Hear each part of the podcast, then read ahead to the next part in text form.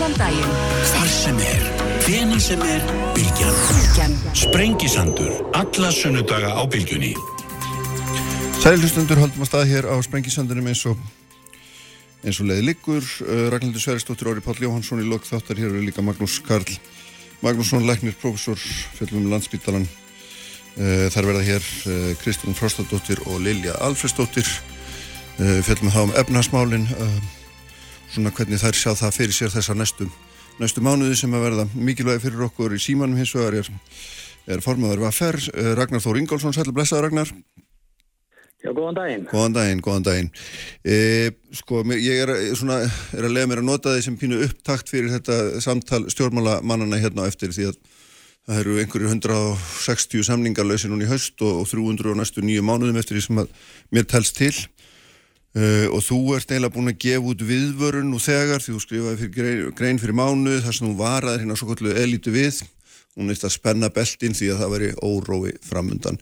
Sko, hérna, ég ætla aðeins að fá þig til þess að lýsa fyrir mig hvernig þú sérð hvernig þú sérð þetta þróast núna því að, að hérna við vitum alveg hvernig ástandið er verðbólka, hækandi vextir uh, hérna húsnæðisverð sem er í hæstu hæðum og framvis uh, allt þetta, hvernig sérðu þetta fyrir þér þróast núna? Já, þetta verður uh, mikil áskorun uh, að fara inn í þessa lóti núna í haust þar sem að, uh, hvað að segja, að það hefur einhver, einhvern megin, hvað að segja, allir, allir sem að verðlingi geta valdið í, í viðskipta á fjármálakerfinu hafa, hafa mókað til sín Stjórnvöld hafa bröðist algjörlega sofið á verðinum og vaktinni varandi húsnæðismarkaðin, húsnæðismálinn. Sælabankin er að keira hér upp stýrivexti lantum frá það sem að uh, þekkist annar staðar í þeim löndum sem við byrjum okkur sama við og sömulegis hefur verið uh, töluvert uh, launaskrið umfram það sem að, hvað við segja, eðlilegt getur talist hjá efstalagi samfélagsins. Við erum að sjá uh, gríðarlega góða afkomi hjá til dæmis smásölu risónum sem hafa ekki haldið að sér höndum varandi álagningu eða lagt sitt að mörgum til þess að skapa hér kannski meiri sátt í samfélaginu uh, og uh, reynda að vinna og spórna gegn þessari miklu verðbólgu sem að er að hellast núna yfir almenning í landinu. Þannig að það er einhvern meginn sótt á okkur öllum áttum og, og því verður einfallega svarað hörku. Það er það sem við erum að reyna að segja. Hvað þýðir það nákvæmlega Ragnar?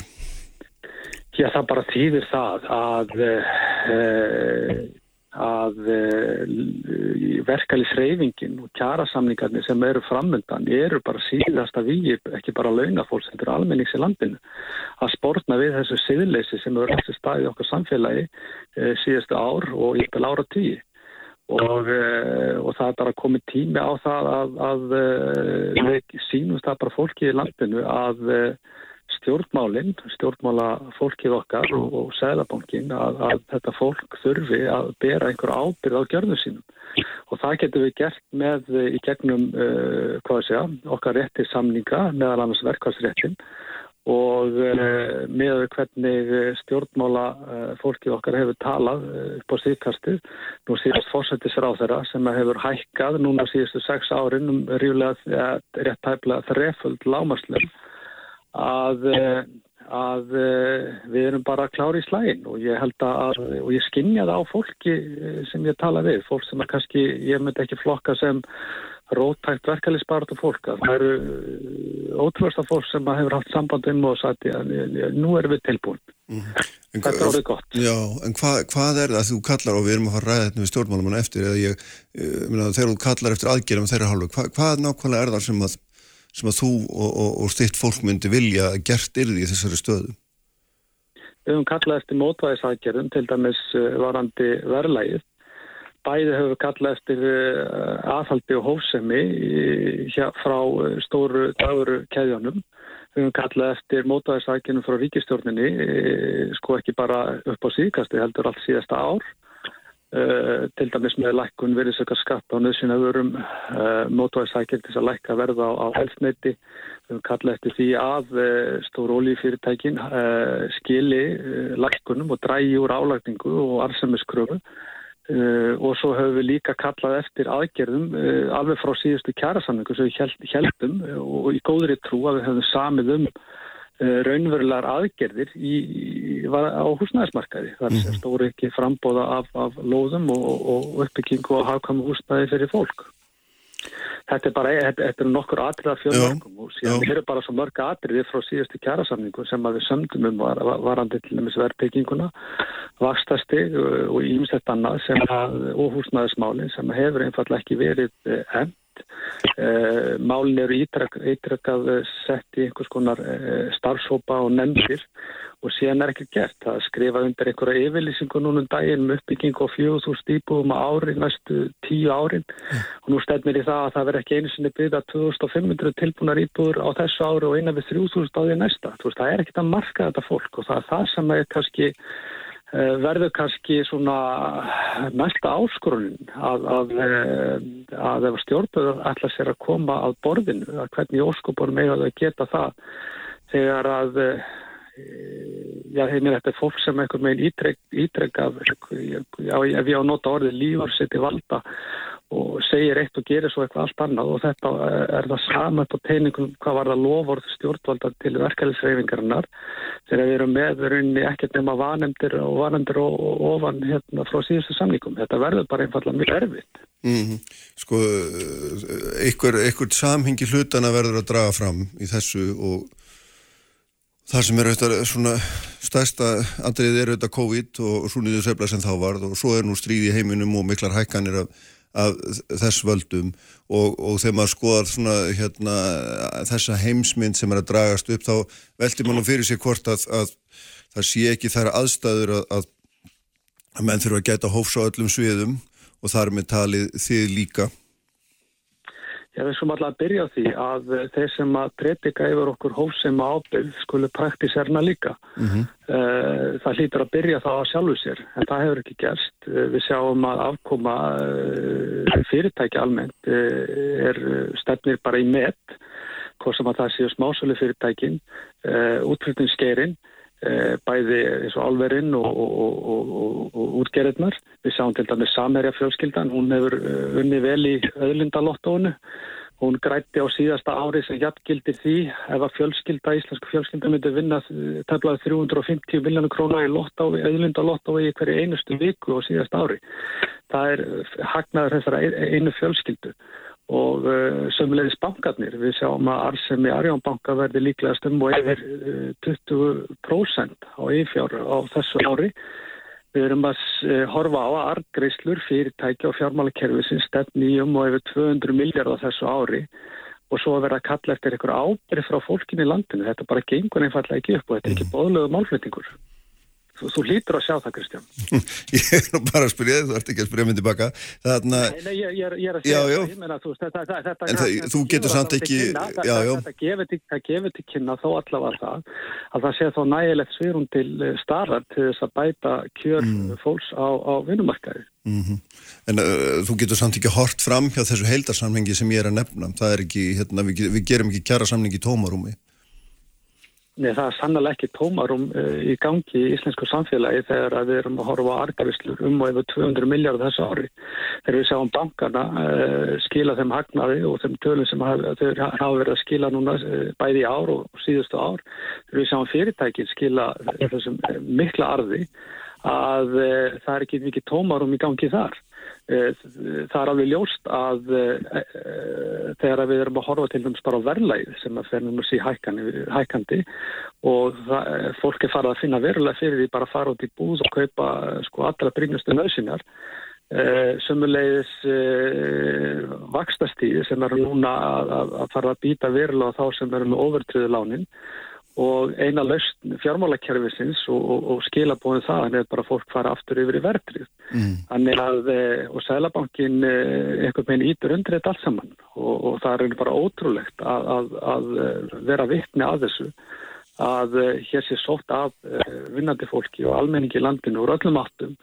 Og svo er við að fara að sína ykkur ábyrð þetta, er einfallega og ég sagði þetta er einfallega ekki bóðlegt Mm. og ef þú getur fært fyrir, fyrir með góð rauk fyrir því okkur við ættum ekki að stíga fasti eh, að við ættum ekki að stíga fasti jarðar í komandi kjara samningum, þá var ég til að heyra þau. Já, ég skal nefna eitt í, við því í, í hérna því samhengi allavega, ef maður tekur áspilin 2020 til mars 2022 tvölu frá Hafræðil landsbankans þá hækkaði launavístalan á Íslandum 90,8% hún er hérna launavístalan á 7,1% í mars svo, svo dæmis í teki sko, þannig að það er nú ekki eins og hérna svo hækkuðu laun í april mæ vegna hagastrauka exakt, þannig að það er nú ekki hérna alveg eins og, og, og hérna sko ekkert hafi verið gert á undarförnum árum og þetta er nú að gerast í, í sko á mjög erfiðum tímum. Já sko, eh, ef þú horfum bara alltaf að hafisa eh, hjá okkur hérna á Íslandi að þá eru ekkert erfiði tímar með að við ákomi fyrirtæki á fjármálakerfisins. Það eina sem hefur verið reynst núna erfitt eh, upp á síkastið, sérstaklega eftir áramótin, er hrun á, á hlutabræðamarkuðum, þar sem að fjárfæstar eru að fýja... Ég er að vísa þess kannski lengra tíanbilragnar með COVID og það allt saman. Í, í, í, í fang Sælabankan sem verða að kera hér upp stýrivextið fyrir öllu valdi Uh, eh, Launavestilin hefur þess að hækkað en, en, eh, en uh, kjarabætur til uh, vinnandi fólks þessu er mjög miskipt á milli bæði stjætt á starfskrinna það er held ég að sé líka nokkuð ljóst sem að, hérna, sem að þú lítur að geta að lesa úr þeim tölun líka. Jú, jú, en, en heilt yfir þá hefur kaupmáttur í landinu samt verið að vaksa mjög mikið á tímum þegar að hérna var sko efnarsamdráttur í heiminum óþektur nánast og, og það, það lítur nú samt að vera þess eðlis að, að það vikti eitthvað inn í samtíman líka. Jú, já, við myndum að sjálfsögðu taka, uh, að taka til greina uh, þess, marga þenn þáttum sem að þú hefur verið að benda á og stjórnvöld líka. Eh, tala nú ekki með að fólk hefði kannski sínt einhverja ábyrð og hlusta á það sem við hefum verið að tala um og líka samiðum eins og í, í síðustu kjærasamningu varandi húsnæðismarkaðin. Það er ekkit verið að gera og, og það er marg sem bendir til þess að staðmennu vestna ennfrekar. Mm. Uh, við erum ekki að byggja nóg mikið á húsnæði.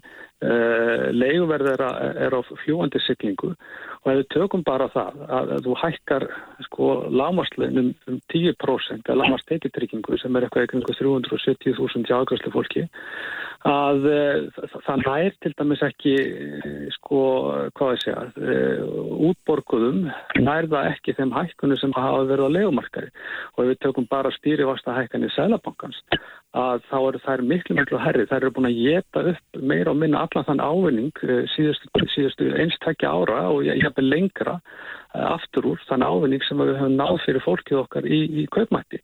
Bara stýrifastahækkanir, þá er verðlasækkanir allar eftir. Og, og þetta er umurlegt eh, ástand fyrir okkur í verkefælislegingun að setja frammi fyrir og vera með í höndormin í næstu kjærasamninga að, að það sé bara allt í lægi að fórna bara fólkinu. Eh, bæði eh, hérna varandi lánin okkar, varandi verðlægið það er engin að hugsa um eitthvað stöðuleika eða, eða leggja eitthvað í púkið það er öllum skýt sama en síðan þegar kemur að því að, að semja að þá hefur við að sína bara einhver á, ábyrð og hósimi og hún er bara ekki til staðar. Ég held að fólk almennt séð uh, hafi bara einfallega ekki umbyrralindi fyrir svona tellu og þvælu. Mm. Þannig að þú, þú hérna, því þú er líka gaggrínt Sælabankan og, og Sælabankstjóri saði núna bara mjög, mjög nýlega að hérna ef að, ef að kjara samningar sem byggjast á, myndu byggjast á óraunhafum fórsendum held ég hann hafi orðaða hérna, uh, eru gerðir þá hefði Sælabankin bara eina leði sem væri að hækka, halda árum að hækka vexti. Það er þangað sem við myndum stefna. Það, það, það, er hans uh, tól og það er hans verkvari að, refsa launafólki og almenningi í landinu. Uh, talsmaður peningastæðlun enda Gilur Soga saði líka hér gengi ekki að vera með neikvæða stýrivextu og þessum þetta hækka vexti. Mm. Lagarde, Sæðlabankastöður Evrópu, saði að, að mikla stýrivasta hækkanir mun ekki slá á verðbólku Eh, en Sælabanki á Íslandi og Sælabankastjóri verðist verið einn af því máli að, að svona brattar hækkanir eh, muni hafa ykkur áhrif á hinsmarkasverða bensinu og kveiti og kotni eða hvað sem það er mm. sem það gerir auðvölslega ekki Þannig að það er alveg ljósmál og það, það, það, það er blasir við að, að, að peningastættunum og selabankastjóri er að vinna fyrir fjármagnir í landinu og uh, er í dag uh, að stimpla sig rækjalinn sem vestu ofinur unafólks og, og þetta er hans tækja tól til þess að refsa almenningi í landinu og hyggla fjármagsegjöndum. Við höfum líka okkar tækja tól sem eru kjæra samlingar og verkvöldin og við skulum bara sjá og spyrja að leikslókum hvernig það allt sem að fer. En, en, eh, en ég, ég er sannfærið um það og ég finn það á fólkinu eh, okkar félagsmennum og bara fólki almennt sem að ég ræði við eh, að eh, það er bara eins og síð fólk er bara orðið þreytt á, á, á þessu siðleysi í íslensku samfélagi þessari græki og þessu sinnuleysi fyrir eh, stöðu vennilegs fólks allt sem við höfum unni fyrir núna frá síðustu kjærasamlingum er nánast fyrir bí út af eh, aðgerðarleysi stjórnvalda í húsnæðasmálum og eh, endalusi dekri, selabankans og peningastæðunendar við fjármagnir mm. þannig að eh, fólk er bara orðið þreytt á, á þessari vittlis og, og ég held að, að sem er kannski ég veit ekki hvort ég er að segja, jákvæði, það jákvæði þetta allt saman að, að, að við náttúrulega í verkefælisreifingunni sem erum í forsvari þar, við verðum aldrei sterkar heldur en fólkið á bakið okkar er og, og, og hversu hart það er tilbúið til þess að fylgja okkur í næstu kjærasamninga, það, það likur okkar styrkur, styrkur og samningstafa þannig að mér sýnist bara öllu að, að við, verð, við verðum með fólki með okkur og það er það sem er jákvæmt. En hvað vilt, er sérst, svo ég skiljiði rétt að þá myndur við velja sértækar aðgerðir á all mörgum sviðum, húsnæðismarkaðið, þú vilt láta fara sérstaklega inn í eldsneitisverðið, þú vilt láta fara sérstaklega inn í dagvöruna og svo framvegs og svo framvegs, er, er þetta ekki rétt skiljað, menn það er þessi tæki sem að þú telur rétt sé að grípa til núna? Við skrifum greinar uh, og sendum á þingmenn og selabankastjóra ofinberrar áskorunni og Viljami Birgisson og Bakranessi það sem við kölluðum eftir nákvæmlega þessum aðgerðum.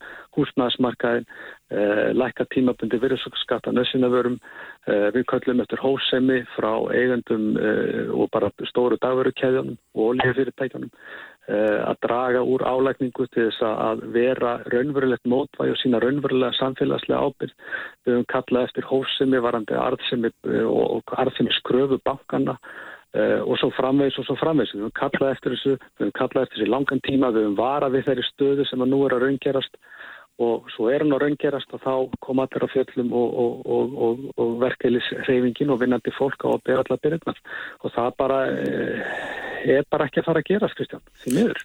Eh, Finnst þér, finnst þér það að vera góð efnarstjórnun Ragnar að, að ríkistjórnin og stjórnvöld séu með puttana ofan í einstakum þáttum hagkerfisins með þessum hætti losu herði á viksl skilar það okkur ekki bara einhverjum óskapnaði Hvað meinar það með því?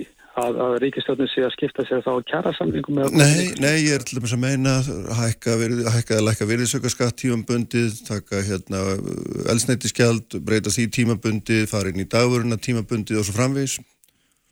Húsnæðismálinn tímabundið. Ja, af, hverju, í óskopunum ekki? Menna þú veist, sko ríkistjórnin og kjörnin fulltrúar okkur hvort sem þeir, þeir séu í sveit eða á þingi, þeir eru að vinna fyrir fólki í landinu, Kristján ekki sérhagsmuna öflin eins og, og, og stjórnvöld hafa margótt sín. Hér er búið að læka veiðigjöld, hér er eh, verið að ræða um frjálsasölu áfengis í vestlunum á meðan heimilin brenna.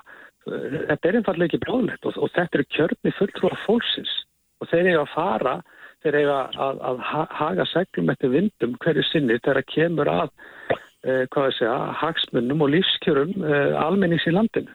Við vorum til dæmis í lífeyrisjóða Vestlunumanna, við vorum að hækka uh, réttindi uh, þeirra sem eru hjá lífeyrisjóða Vestlunumanna, við hækkum réttindi umtalsverð uh, sem að voru síðan skert jafn harðan í gegnum hérna, tryggingarstofnun og fólk þurfti að endugreiða allan ávinningi sem þar, þaðan kom. Og svo verið að tala um norrænt velferðarkerfi og norrænt samningamódel. Við, það er ekkert segja, norrænt við okkar uh, raunveruleika, það er að segja lífskjör, uh, heilbriðiskerfið, grunnþjónustan er nýstlíkt. Við erum með kerfi sem er refsar og refsar og svo erum við með stjórnmóla fólk því meður sem gerir lítið annað heldur en að koma sér saman um ákveðu aðgerðleysi, lægstur samnefnarna og móka frekar undir auðstjöfina á þessu landi. Því meður og uh, ég held bara almennt séð að almenningur landinu hefur einfallega fengið nóg.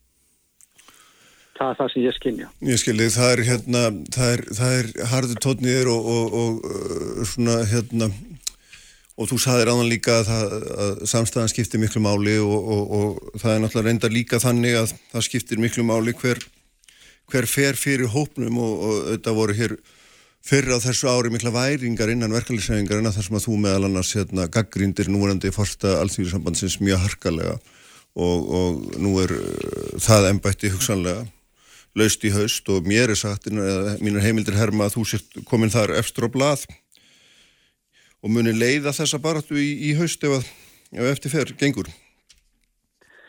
Ég eh, get ekki sagt um uh, einhverja kjartasögur eða, eða, eða, eða slikt en hérna, eða hvað ég er á blöðum hjá fólki. En ég get allavega sagt að við sem erum í forsari fyrir stæðstu verkalýsfélögin, uh, bæði hérna á höfðborgarsæðinu, fyrir Norðan og Suðunesjónum, við höfum verið í mjög góðu sambandi. Það er mikill einhugur í fólki og, og við munum stíga fram sem einheild og það, það likur engi vaf á því. Við hefum tekist á í verkefælisreifingunni uh, oftar en einu sinni og sem betur fer. Það eru bara mjög hreinskiptar og opnar skoðanir. Við erum kannski ólík uh, stjórnmálunum að þýrleitinu til að, að í staðin fyrir að koma okkur saman um uh, lagsta samnefndarna þá koma okkur saman um Uh, hvað var að segja uh, uh, bestu það besta sem við getum nátt fram sem hvað var að segja ein held fyrir fólkið okkar og fólkið í landinu mm. það alveg sama í hvaða stjætt þú ert þeir sem eru í larri tekihópunum þetta er alveg, alveg mikilvægt barátta fyrir fólkið í landinu eins og fyrir þá sem eru millir eða efri tekihópun við munum öll njóta gósa því að vinna saman og það ætlum við að gera. Mm hvernig sem þetta fer í haust í, hjá hérna á alltíðasambanstinginu, hvort að verði breytinga þar eh, sem til uh, runda mjög líklegt en, en það verður að koma í ljós. eh, en eins og ég segi, við, við erum bara að, að eiga vel hluti, við erum ekki við borði, við höfum ekki aðganga að samtala við stjórnvöld, hér er eh, eitthvað þjóðhagsráði í gangi sem að, var að skila sér einhverju skýslu um uh, það sem er skýrskóta til Norræns samningamótel og hér sé ekkert svigurum það er aldrei, aldrei í sögu kjara samninga Kristján, verið svigurum til launahækana, aldrei, við erum búin að taka þetta saman, uh, færi gegnum orðræðinu fyrir hvern einasta kjara samning frá þau byrju það er aldrei, aldrei í sögunni verið svigurum til að hækka laun á almennu vinnumarkaði, þannig að þetta kemur ekki óvart og, og, og þessi skýsla sem að var að koma frá þjóðarsráði er alveg jafn marklus fyrir mér eins og aðra skýslur og aðra yfirlýsingar sem hafa komið frá sérhagsmun öflum. Mm. og mér þætti, þætti áhugavert að heyra í fólki sem að situr fyrir hönd verkefnisreifingarinnar, formurum bæði BHM og BSRB og sem vil eins fórsetta ASI um þessa skýslu uh, vegna þess að þau setja í tjóðarsráði en við sem erum formenn stærsti félagana uh, höfum enga aðkoma þessari vinnu. Nei. Eitt í viðbútum þetta Ragnar hérna nefnilega nákvæmlega vegna að þú hafið einhvern að láta að hafa eftir þér að þú ætlaðir bara að sitja þrjú kjörtjambili sem, sem formaði var ferr og, og nú er, er hérna, því að ljúka og þess vegna leiða mig líkur að því að, að næsti áfangustæður verði fórst í alltíð sambatsins. Ég sagði reyndar, hafið, hafið talað um það að ég telti uh, hámassitt sem formaði stéttafélagi vera 8 ár, þannig að ég er að klára þriðja En, en, en ég hef ekki tekið neina ákvörunum korki, hérna, korki áframhaldandi frambóð mitt til uh, formelsku vaffer eða neitt annað. Ég er fyrst og fremst einbætið mér að verkefninu framönda mm. sem eru kjærasamningar og reyna að ná bestri niðurstöðu fyrir fólki í landinu og, og það sem að mestu skiptir er það náttúrulega bara að, að samina fólki okkar vegna þess að, að, að uh, ég skinja líka að fólki, fólk er búið að missa trú á stjórnmálunum. Fólk er búið að missa trú á réttlæti í þessu samfélagi Þannig að við þurfum að standa undir nafni í verkefælisreifingunni og sína fólkin okkar að við séum trössinsverð og fá fólki okkar á bakvið okkur. Ef við fáum fólki á bakvið okkur þá munum við ná góður í nýðustu í næstu kjærasamlingum og kannski miklu miklu meira sem við getum náð fram heldur en bara launahækkun. Við þurfum kerfisbreytingar á húsnæðismarkaði. Við þurfum að vinna niður vakstastíð aftur. Við þurfum að, að ná niður þessu mikilvæg, mik, mikilvæg þáttum og þeim ávinningi sem við náðum fram með síðustu kjærasamningum sem búður að sé, ræna af okkur bara núna öllskomið tíma. Það er, það er stóra verkefni. Nákvæmlega. Herðu, við komumst ekki lengri bíli, Ragnar. Við sjáum hvernig þetta fer allt saman og hérna, hvernig ástandi verður innan, innan einhverja vikna. Heyrum stættu þá. Heyrum, bestu þakki fyrir að vera með mér í dag. Takk sem að leiðis. Uh, Lili Alfersdóttir, viðskjára á þara og um, Kristún Frostadóttir, þingmaður samflingarinnar verða hérna eftir augna blík, haldum áfram þá á mjög svipuðum notum. Sprengisandur á bylgjunni alla sunnundasmórna. Sprengisandur alla sunnudaga á bylgjunni. Sælir aftur hlustendur, uh, þær verða hérna í lokþáttar Ragnhildur Sveristóttir og Orri Pál Jóhansson. Hér verður líka Magnús Karl Magnússon ræðum það á málmi landsbytalansprofessor og læknir. Eh, en það eru sestar hérna hjá mér Ilja Alfredsdóttir og Kristún Frostadóttir verið, verið sælar, byrjað þannig. Ég ætla að segja komið sælar. komið sælar og velkomnar. Eh, báða tvær. Hérna Ragnar Þór Ingólfsson, hann var hérna rétt á þann að lýsa yfir því að hann teldi uh, mikla óvissu framöndan, mikla olgu og, og verkanlisreifingin myndi mæta þeirri stöðu sem uppi er fullri harku, sækja kjarabætur sem hann teldi að var búið að ræna af þeim núna undir förnu og hérna var bara mjög herskár eins og hann reyndar er oft en, en, en það er auðvitað ákveðið óvissu ástand og líst eftir ábyrg stjórnmálamanna uh, sértækum aðgerðum, húsnæðismarkaði varandi elsneitisverð, dagvörumál og svo framvegs og framvegs, þetta er langulisti og mér langar aðeins að fá eitthvað til að bregðast við þessu ástandi í heilsinni sem við sjáum í efnarsmálunum pluss þessu, þessu hausti sem er, er framöndanlili ef þú byrjar. Hérna eitthvað hlutverkir í stjórnunni Hva, hvað, er, hvað er á döfinni, hvað getur þið gert til þess að læja þessa óvanauð sem auglustlega er svona kræmar undir? Ég sko, fyrst beru þetta nefna það að við fórum í ákveðnar aðgerðir í byrjun uh, sumas. Þar sem við bæði förum að auka aðhald ríkisjálfmála, við hækkum barnabætur, uh, almannatryggingar voru líka hækkaðar og í raun og veru var verið að segja, sko, við ætlum að standa með fólkinu landinu og þetta eru svona uppháðs aðgerðir. Hins vegar er það svo að eins og staðan er núna að það er ímislegt sem vinnum með okkur í þessari stöðu. Uh, fyrst ber að nefna að vegna þess hversu vel útflutningsgreinum okkar vegnar til að mynda ferðarþjónustunni þá er krónan mjög stöðu og búin að vera stöðu í raun og veru frá upphafi faraldusins. Sælabankin hefur að mínum mati staðið sér mjög vel bæði þegar hann fór í það að lækka vexti og svo núna er hann að hækka vexti sem er nefnsulegt Uh, og svo höfum við líka farið í það með samkjömseftilitinu að vakta alla þessa helstu markaði og aðtjóða hvort einhverju sé mögulega, mögulega að nýta sér ferðina þannig að ég, eins og ég hef sagt á því ég hafna því að stjórnvöld séu ekki að gera neitt. En hins vegar er það svo að við þurfum auðvitað svolítið að sjá hvað gerist. Til að mynda ef við bara lítum til bandaríkjana að bandarækjumenn hafa farið í það að hækka vexti og margir að segja, herðu það er bara við erum komin hérna í niðursveiflu. Mm -hmm. en svo komum við tölur á förstu daginn sem síndu fram á það að bandarækja hagkerfi hefur ekki skapað jafnmörg störf í mjög langan tíma og þannig að ég til þessi skinsamlegt og eðlilegt núna að við svona sjáum bara hver staðan er. Það sem ég hef mestar áhugjur af eru þetta þau heimili sem eru nýfarin inn á húsnæðismarkaðin og það sem greiðslubyrðin er að hækka mjög mikið. Og þar tel ég að við þurfum að koma inn í og huga verulega og svo myndi ég auðvitað vilja sjá Hva, það í... Hvernig gerir þið það? Við auðvitað fórum í það núna í upphafi sumars með það að hækka húsnæðisbætur til þeirra sem eru versettir og mér finnst það mjög eðlilegt við gerum það. Og svo núna auðvitað munum við sjá að auðvitað, þetta eru mikla vaksta hækkanir sem við farið í fyrir sjálegar áfram töluverður eða því að alla spár benda til já, en hins vegar vinnur það líka með okkur svo ég nefni það bara mm. þegar maður þarf alltaf að vega á metastöðuna er að e, við erum tiltúlega sjálfbær með orku. Við erum til að mynda í allt annari stöðu en Evrópusambandið og Evrópa og það vinnur líka með okkur að við séum í sjálfstæða peningastefnu eins og við sjáum hvernig mm. bandarækja menn geta farið og hækka sína vexti við erum að gera það líka og ég tel að við munum vegna e, þess bara hvernig haggerðu okkar er að við munum ná fyrirtökunum og er, erum síður líkleg til þess að fara í niðursveiflu mm -hmm. annað en það sem við erum að sjá í Európa. Kristrún, það er eiginlega sama spurning. Hvað þarf að gera núna til þess að hérna, ná tökum á þessar stöðu og þarf að grípa til einhverja sérstakra aðgera til þess að venda heimil í landinu sem er orðið þannig með almennum hætti? Já, ég held að það sé bara bráðnausilegt að það sé gert eitthvað núna og ég er ekki sammála því að við höfum mikinn tíma til að býða að þess að íslenska hagkerfi er náttúrulega veikvæmt hvað varðar verðbólgu þólum þetta í skef, í ekki eins vel kannski og önnur aðra þjóði hvað, hvað það varðar að, að sko, fólk er bara raunverulega hrætt við þetta að vinda upp á sig og staðan núna er þannig að stórluta verðbólgunni er húsnæðismarkaðurinn 4% af 10% verðbólgu er húsnæðismarkaðurinn Þetta er sjálfskapaði vandi. Þetta er ekkert náttúrulega mál, þetta er aflegging bæða langtíma stefnu í húsnæðismálum og síðan af mjög aggressífum aðgerðum sem ráðast var í, í COVID og við eigum nú held í lagar hérna Kristján, bara af samtölum um nákvæmlega þetta mál Akkurat. á síðastleginn tveimur árum.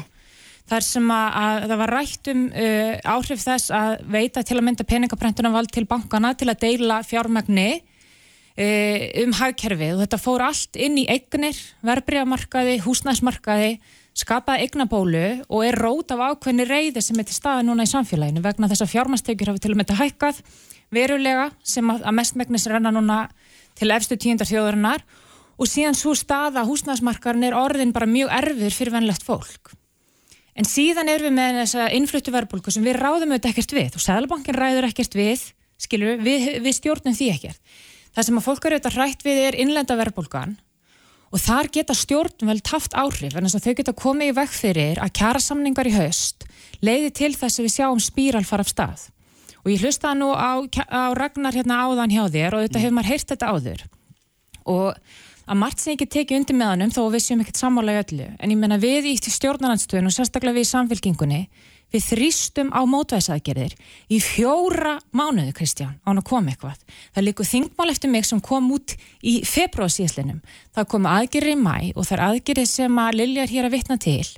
Sko, við slúmum aðeins fara yfir þær hvað er búið að gera. Mm. Þetta voru 5 miljardar krónar aðgerðir. 3 miljardar af því er lögbundin hækkun almannatrygginga. Þetta er hækkun sem þurfti að ráðast í samkvæmt lögum vegna að almannatryggingar eiga að fylgja verbulgu. Það var eingreisli upp á 20.000 krónur í barnabætur og síðan eru húsnæsbætur sem reyna ekki til fólk sem er með lán, þetta er fyrst og fremst fyrir fólk sem er á leikumarkaði. Uh, auðvitað fögnum við því að svona aðgerði kom inn, en þessar aðgerðir munu hverfa í skugga þeirra aðgerði sem núna er verið að bóða í aðhalsaðgerðum í haust. Vissulega er mikilvægt að ríkisjóður auki ekki verbulguna en spurningin er mm. hvernig ríkisjóður dregur úr verbulgu ætlu við að brjóta verbulguna á bakinu á tekjulegstu heimilunum á ungu fjölskyldufólki af því að það er aðgerið sem er að bóða í haust. Það vísa til vaksta hækkana vantarlega og Bæði, bara aðhalds í útgjöldum ríkisjós eða hvað. Ég vil bara taka það skýrt fram að ég er ekki mótfællin því að sé ráðast í vaksta hækkana undir svona kringustæðum. Mér finnst ekki eðlilegt að í 10% verbulgu séum við 2-3% vexti. Ég menna vexta lækana það sem var ráðist í þær meðal annars kynntu undir þessari stóru og miklu egnabóli sem við fengum. En þegar þú ferð í svona skarpa vaksta hækkun eftir þessi hagstjórnar mistök mm -hmm ég ætla bara að leiða mér að fullera það, hagstjórnar mistök, að reyna að halda aftur á COVID bara á peningarlegu hliðinni í gegnum vakstarleikanir, þá verður að grýpa til mótvæðisækjara og þar á ríkistjórnuna komin, hún á að fara í kröftuar, vakstabætur og badnabætur og það getur hún gert núna strax í haust. Vilja? Já, ég held að það sé... Ég er kannski aðeins að bregðast við því sem Kristúnur er að segja varandi sko hagstjórna mistök mm. ég hafna þau þetta alfarið og ég held að eitt af því sem við sjáum er að kaupmáttur launa hann jóks um 4,4% í COVID-19 og ég til að það er aðgerð sem við hefum farið ég ætla bara að nefna nokkru hagstærðir. Eh, skuldir Ríkisós Íslands er um 40% uh, af landsframlöslu samanborið við Þískaland 60, Ítalja 120 og ég, ef ég man það rétt, ég held að það hefur verið áður en að Kristján hún hérna fór í stjórnmálinn þá held ég að hún hefði talað fyrir mun meiri aðgerðum sem hefði þá ítt undir enn frekari verbulgu og þegar hún var að vitna í samtöl sín við þig hérna um mm. daginn. Þannig að ég svona, ég beða hana kannski aðeins að huga að því sem hún sagði þá líka hvað það var þar. Og ef við hefum farið eftir því sem Kristján hefði sagt, þá er verbulgan mun meiri. Ég bara fullir það hér og nú. mm -hmm. að ég tel að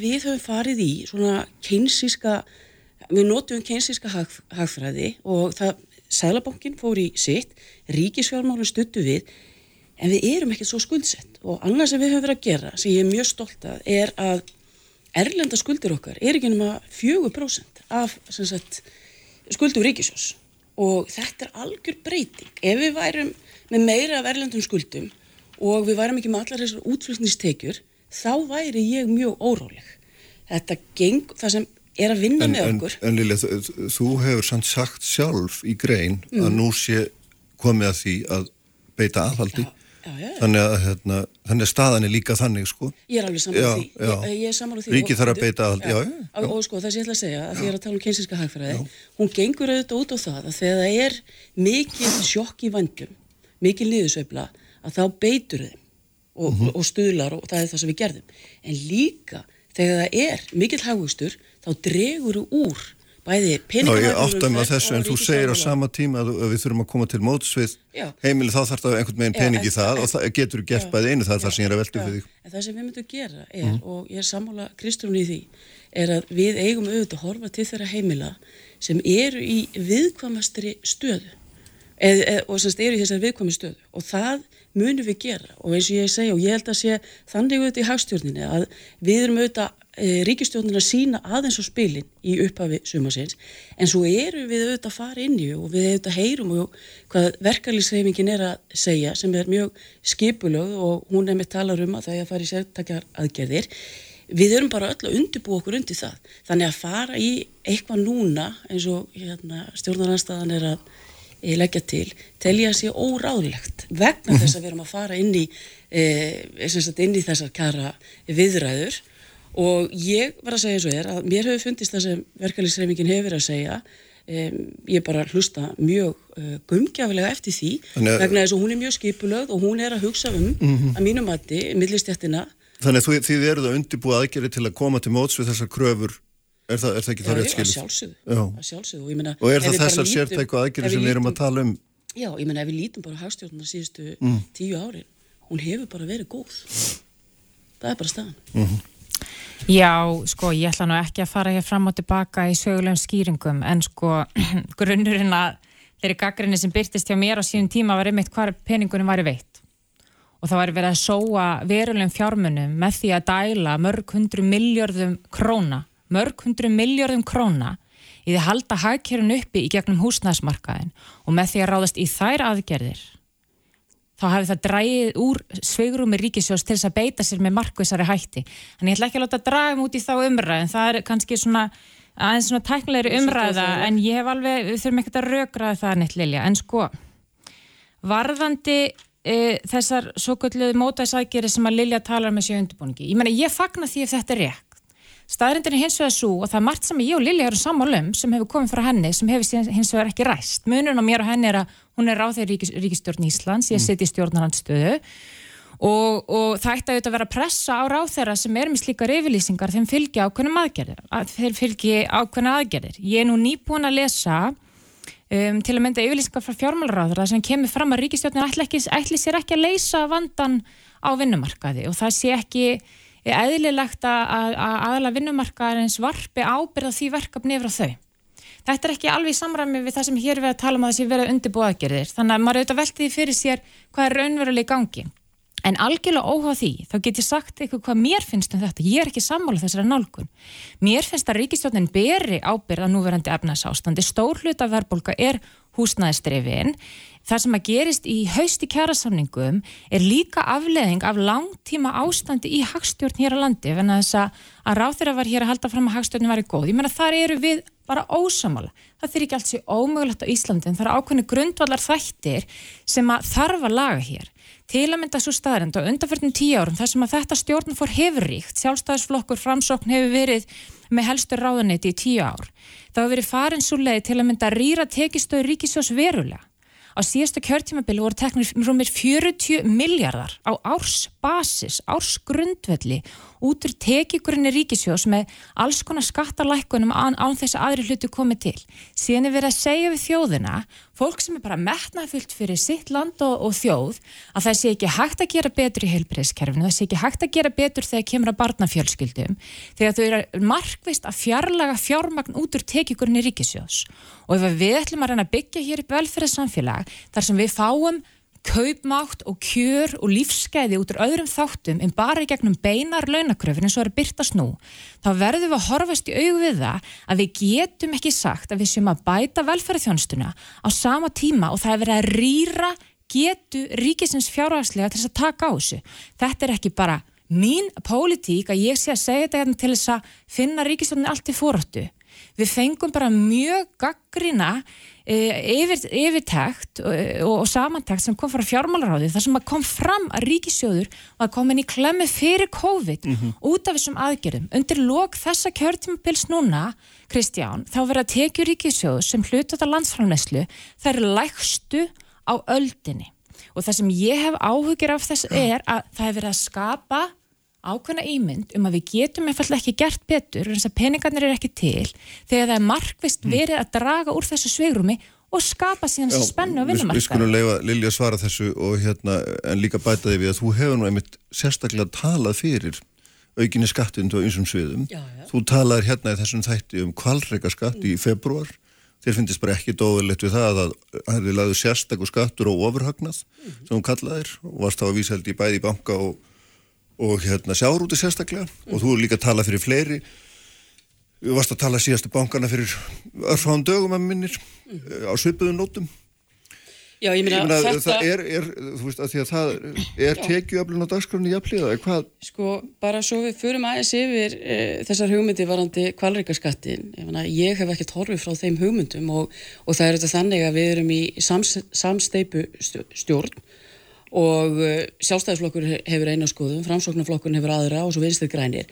Og svo auðvitað komistu að einhverjar málamilun og þessi stjórn hefur auðvitað e, búið til ákveðin pólitískan stöðuleika mm. en hún hefur líka búið til ákveðin efnaðslegan stöðuleika og eins og ég var að fara yfir ákveðina hagtölur sem e, eru bara að bera þessi vittni að það hefur gengið vel og að því að Kristján voru að fara yfir eh, umsagnir, ef við bara lítum á það sem Alþjóða Gjaldarísjóðun hefur að segja og það sem OECD er að segja og fleiri þá er bara hreinlega sagt að langtíma horfur íslenska mm -hmm. hagkerfisins það séu góðar og auðvitað er að það En höfum við rýft skattekinnar og mikið til þess að geta haldið uppi næjanlega góðum standard í velferðar, helbriðismálum og þessum málaflokkum, þessum stöðut er verið að kalla á Já. umbætur. Ef við lítum á í raun og veru hvernig ríkis útgjöld hafa verið að þróast og bara síðasta kjörtímabili, þá er það svo að það er mikil aukning allstar. Ég bara nefni til að mynda eins og varandi rannsóknir á þróun. Það var 90% aukning mm. á kjörtímabilinu. Varandi mentamál það var 10% aukning. Varandi helbriðismálinn 35% aukning. Þannig að ég verð líka að segja, þú að sé hérna, e, þetta er mjög margt gott sem Kristún er að segja og, og ég vil líka að segja, það er svona fagnar hennar innkomu inn í stjórnmáli vegna þess að efnaðarsumræðan hefur dýfkað verulega að þá einhvern veginn get ég ekki hort fram hjá þessari aukningu ríkis útgjálta og en auðvitað er það þannig að við erum samfélag sem er, við erum uh, þjóð sem hefur uh, bara mikil nátturu náttúru bara auðlindir og ég menna við verðum líklega eitt af fyrstu ríkjunum sem mun verða algjörlega óháð uh, jarð, uh, jarðefna eldsneiti árið 2040 mm -hmm. og ég menna þess vegna er svona margt sem vinnum með okkur. Það er hins vegar svo þó ég segi það og ég segi í ríkistjórn og ráð þeirra í ríkistjórn þá getum við alltaf gert betur og ég menna e, pólitík e, framsóknarflokksins hún gengur beinleins út á það að við séum að jafna kjörin og við séum umbótaflokkur mm -hmm. sem vil sjá uh, breytingar, kerfisbreytingar og ég nefna það því við erum að hugsa um núna komandi kjærasamninga ég meina eitt af því sem ég hef uh, aldrei skilið er til að mynda húsnæðisliðurinn í vísutölu Nesluvers. Ég er ekki að tala um að taka hann út en ég til að þar eigum við að horfa á ákveðnar breytingar, hvernig hann er reiknar. Við eigum að e, líklega frekar að líta til leiguvers eða taka lengra meðaldal og að því að Kristrúman nefna þetta var náttúrulega húsnæðismarkaðin að þá er það svo að það hefur bara til að mynda skort lóðir í Reykjavík, það mm -hmm. er bara ekki búið að byggja nóg og eitt af því sem framsóknarflokkurinn stendur fyrir núna komandi og erum komin í borgastjón mm -hmm. er auðvitað að stór auka e, frambóð af íbúðum vegna þess að það er þannig að þú getur ekki læknað einhvern veginn allt með því að e, byrju hvað sláttur að segja Kristúna Já, sko, ég fagna auðvitað öllum áslum á húsnæðismarkaðin. Skilur, þetta er rosalega stór partur af verðbólkunni í dag, þetta er stór partur af því sem verður rætt í kjærasamningum.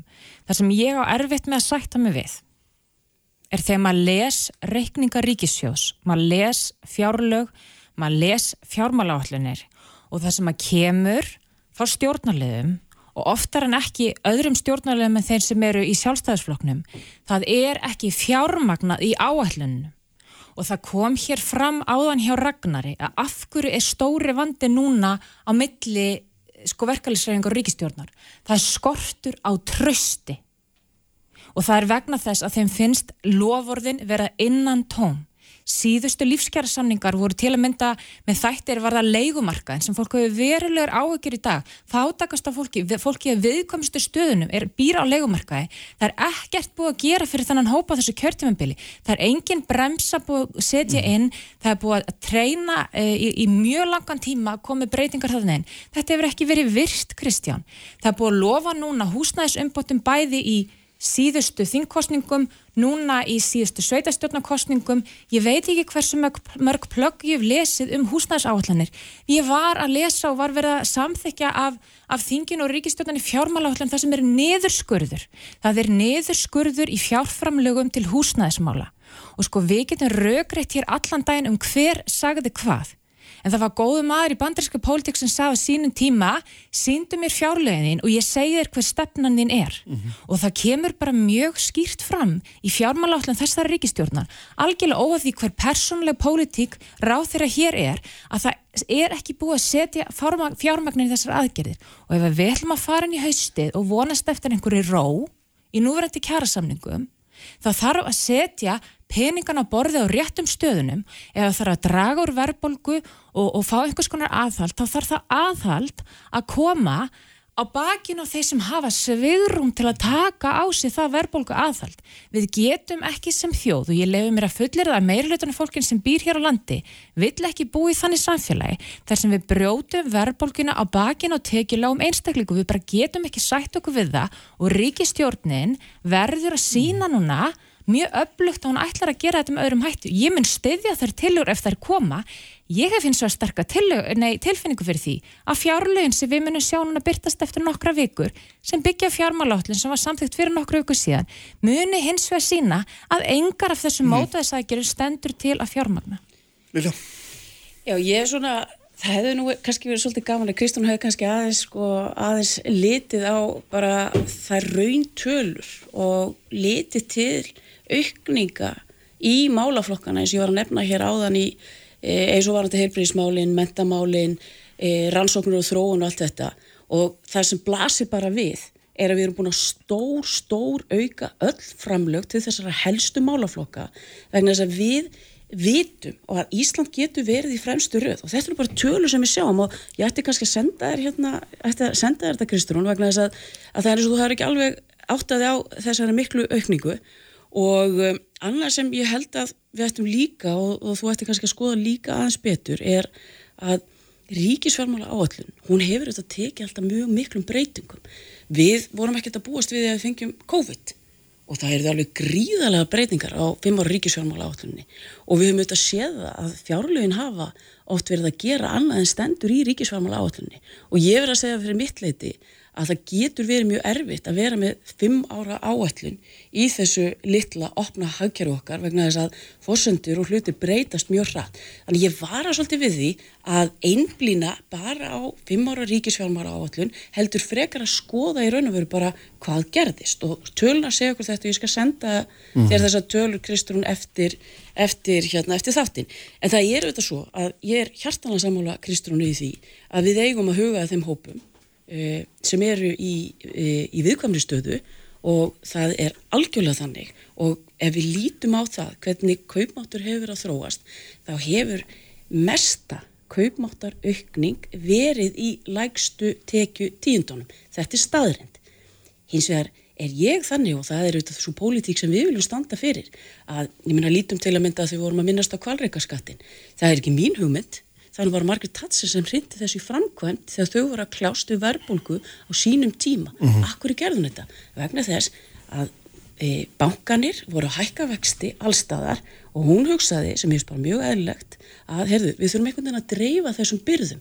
Þess vegna fór ég að tala um kvalreikaskatt fyrir hvað, 6 eða 9 mánuðum. Vegna þess að þú þarft ekki að vera hagfræðingur til þess að átta þig mhm. á en að hvaða leiti, leiti er þetta en þá dagskrálilega vegna þetta var náttúrulega hveð í kútin bara hrætt og öruglega býðum bara, já, já, en, já. Ég, en, svo, en svo að því að ég varst að tala um, tala, um, tala um þetta ég held að hafa nú verið þannig að ég talaði mjög fljótlega fyrir því að við þyrstum að fara í e, gefa verulega í varandi ríkisjórmálin og þá voru margir sem sögðu, heyrðu, byrju hvað er þessi kona að tala um? Það raungerðist allt og ég var nú líka eina þeim sem talaði um það að við þurftum að taka hressulega á kröfuhöfunum mm. og, og það voru margir í fjölmjölum mm. sem fannst þetta bara eitthvað eitthva, eitthva ruggl. Við endum á því að komi 650 miljardar inn í hagkerfið og þess vegna er skuldastæði mm. Ríkisjós Íslands mjög góð.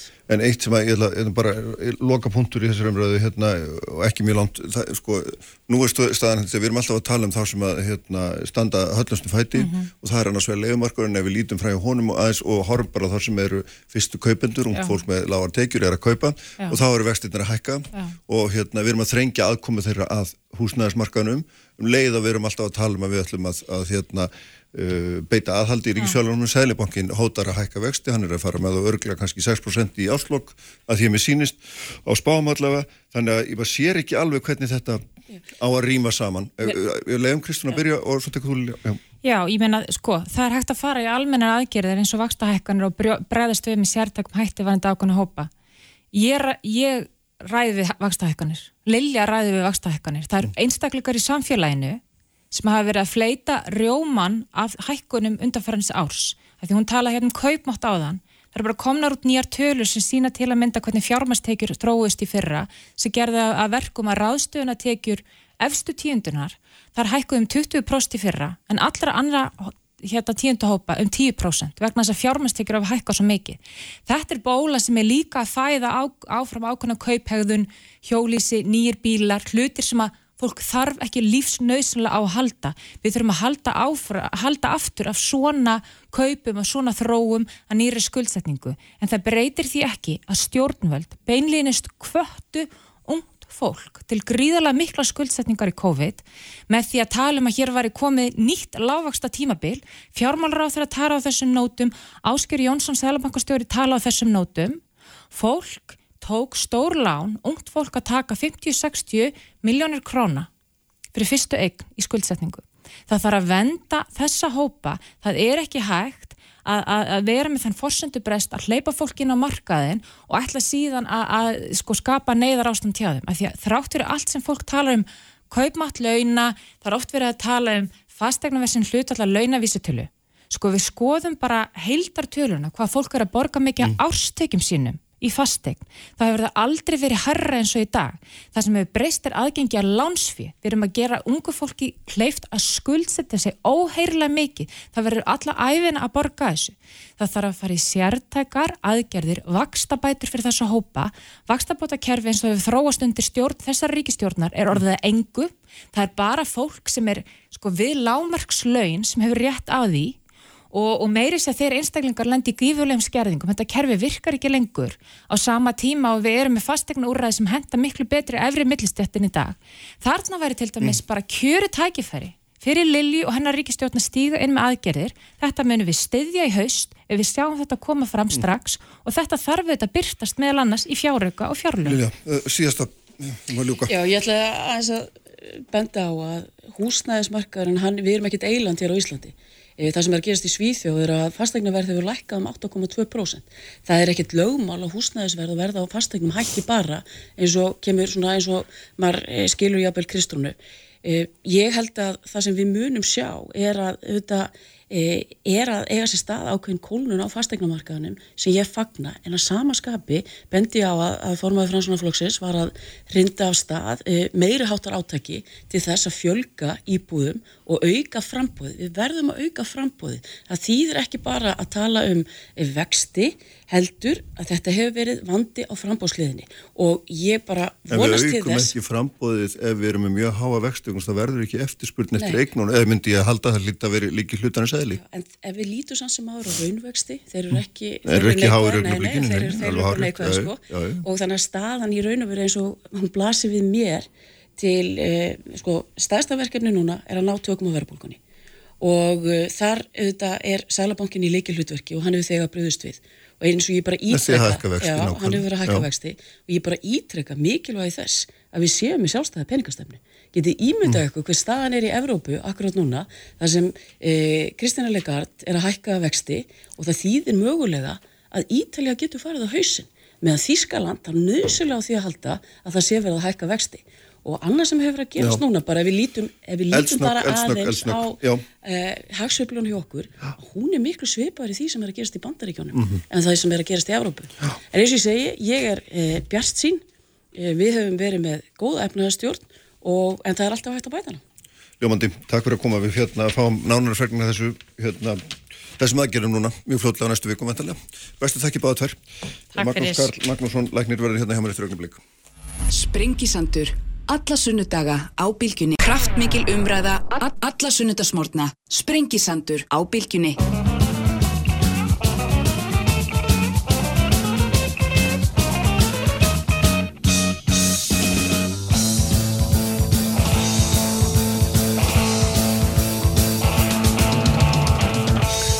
Sælir afturlustendur, þau eru farin frá mér, þær eru farin frá mér, Kristján Frostadóttir og Lili Alfredsdóttir, er vonar Ragnhildi Sværisdóttir og Orra Páli Jóhansinni hérna í lokþáttar en sestur er hjá mér Magnús Karl Magnússon sem er auðvitað læknir, prófessor við Háskóla Íslands. Uh, Sælir blessaður, velkomin. Sæl og bless. Langa að spjalla hans við þig um, um í kjölfari viðtalsveðan Björn Sóka því ég sá að þú varst aðeins að hérna láta til þín taka umröðu og, og svona það sem að var nú margt svona sem að vakti aðtikli í, í þessu viðtali og auðvitað mörgum öðrum viðtali sem hann hefur farið í svo sem að undarförnun í stjórnafarma landsbytana svo svona skelikur og, og með þessan feril og Karolinska sem að hérna uh, já, eitthvað líka aðtikli sko, uh, þú varst eitthvað svona erst eitthvað efins um sumt af því sem hann segir og meðal hann sérstaklega sem að kannski vakti mest aðtikli þegar hann var að nefna það að undanförnum árum hefði fyrst og fremst verið ráðið svo kallað skrifstofufólk til landsbítalans en miklu minni áhersla lögð á rauninu svona, hvað hann kallaði þetta klíniska starfsmenn, fólk sem sinni sjúklingum mentalega, myndum maður orðað það þannig Þú efast eitthvað um þetta? Sko ég, um, ég sko, það sem kannski fer, og ég, og ég vil nota orðið að fara í tögunar á mér, Já. það sem er svona að pyrraði mig svolítið var útgangspunktur umræðunar að, uh, að þyrti niðurskurð á landsbytalanum og uh, ég held rauninni það voru ekki beint orð björs en það var svona umræðun á eftir.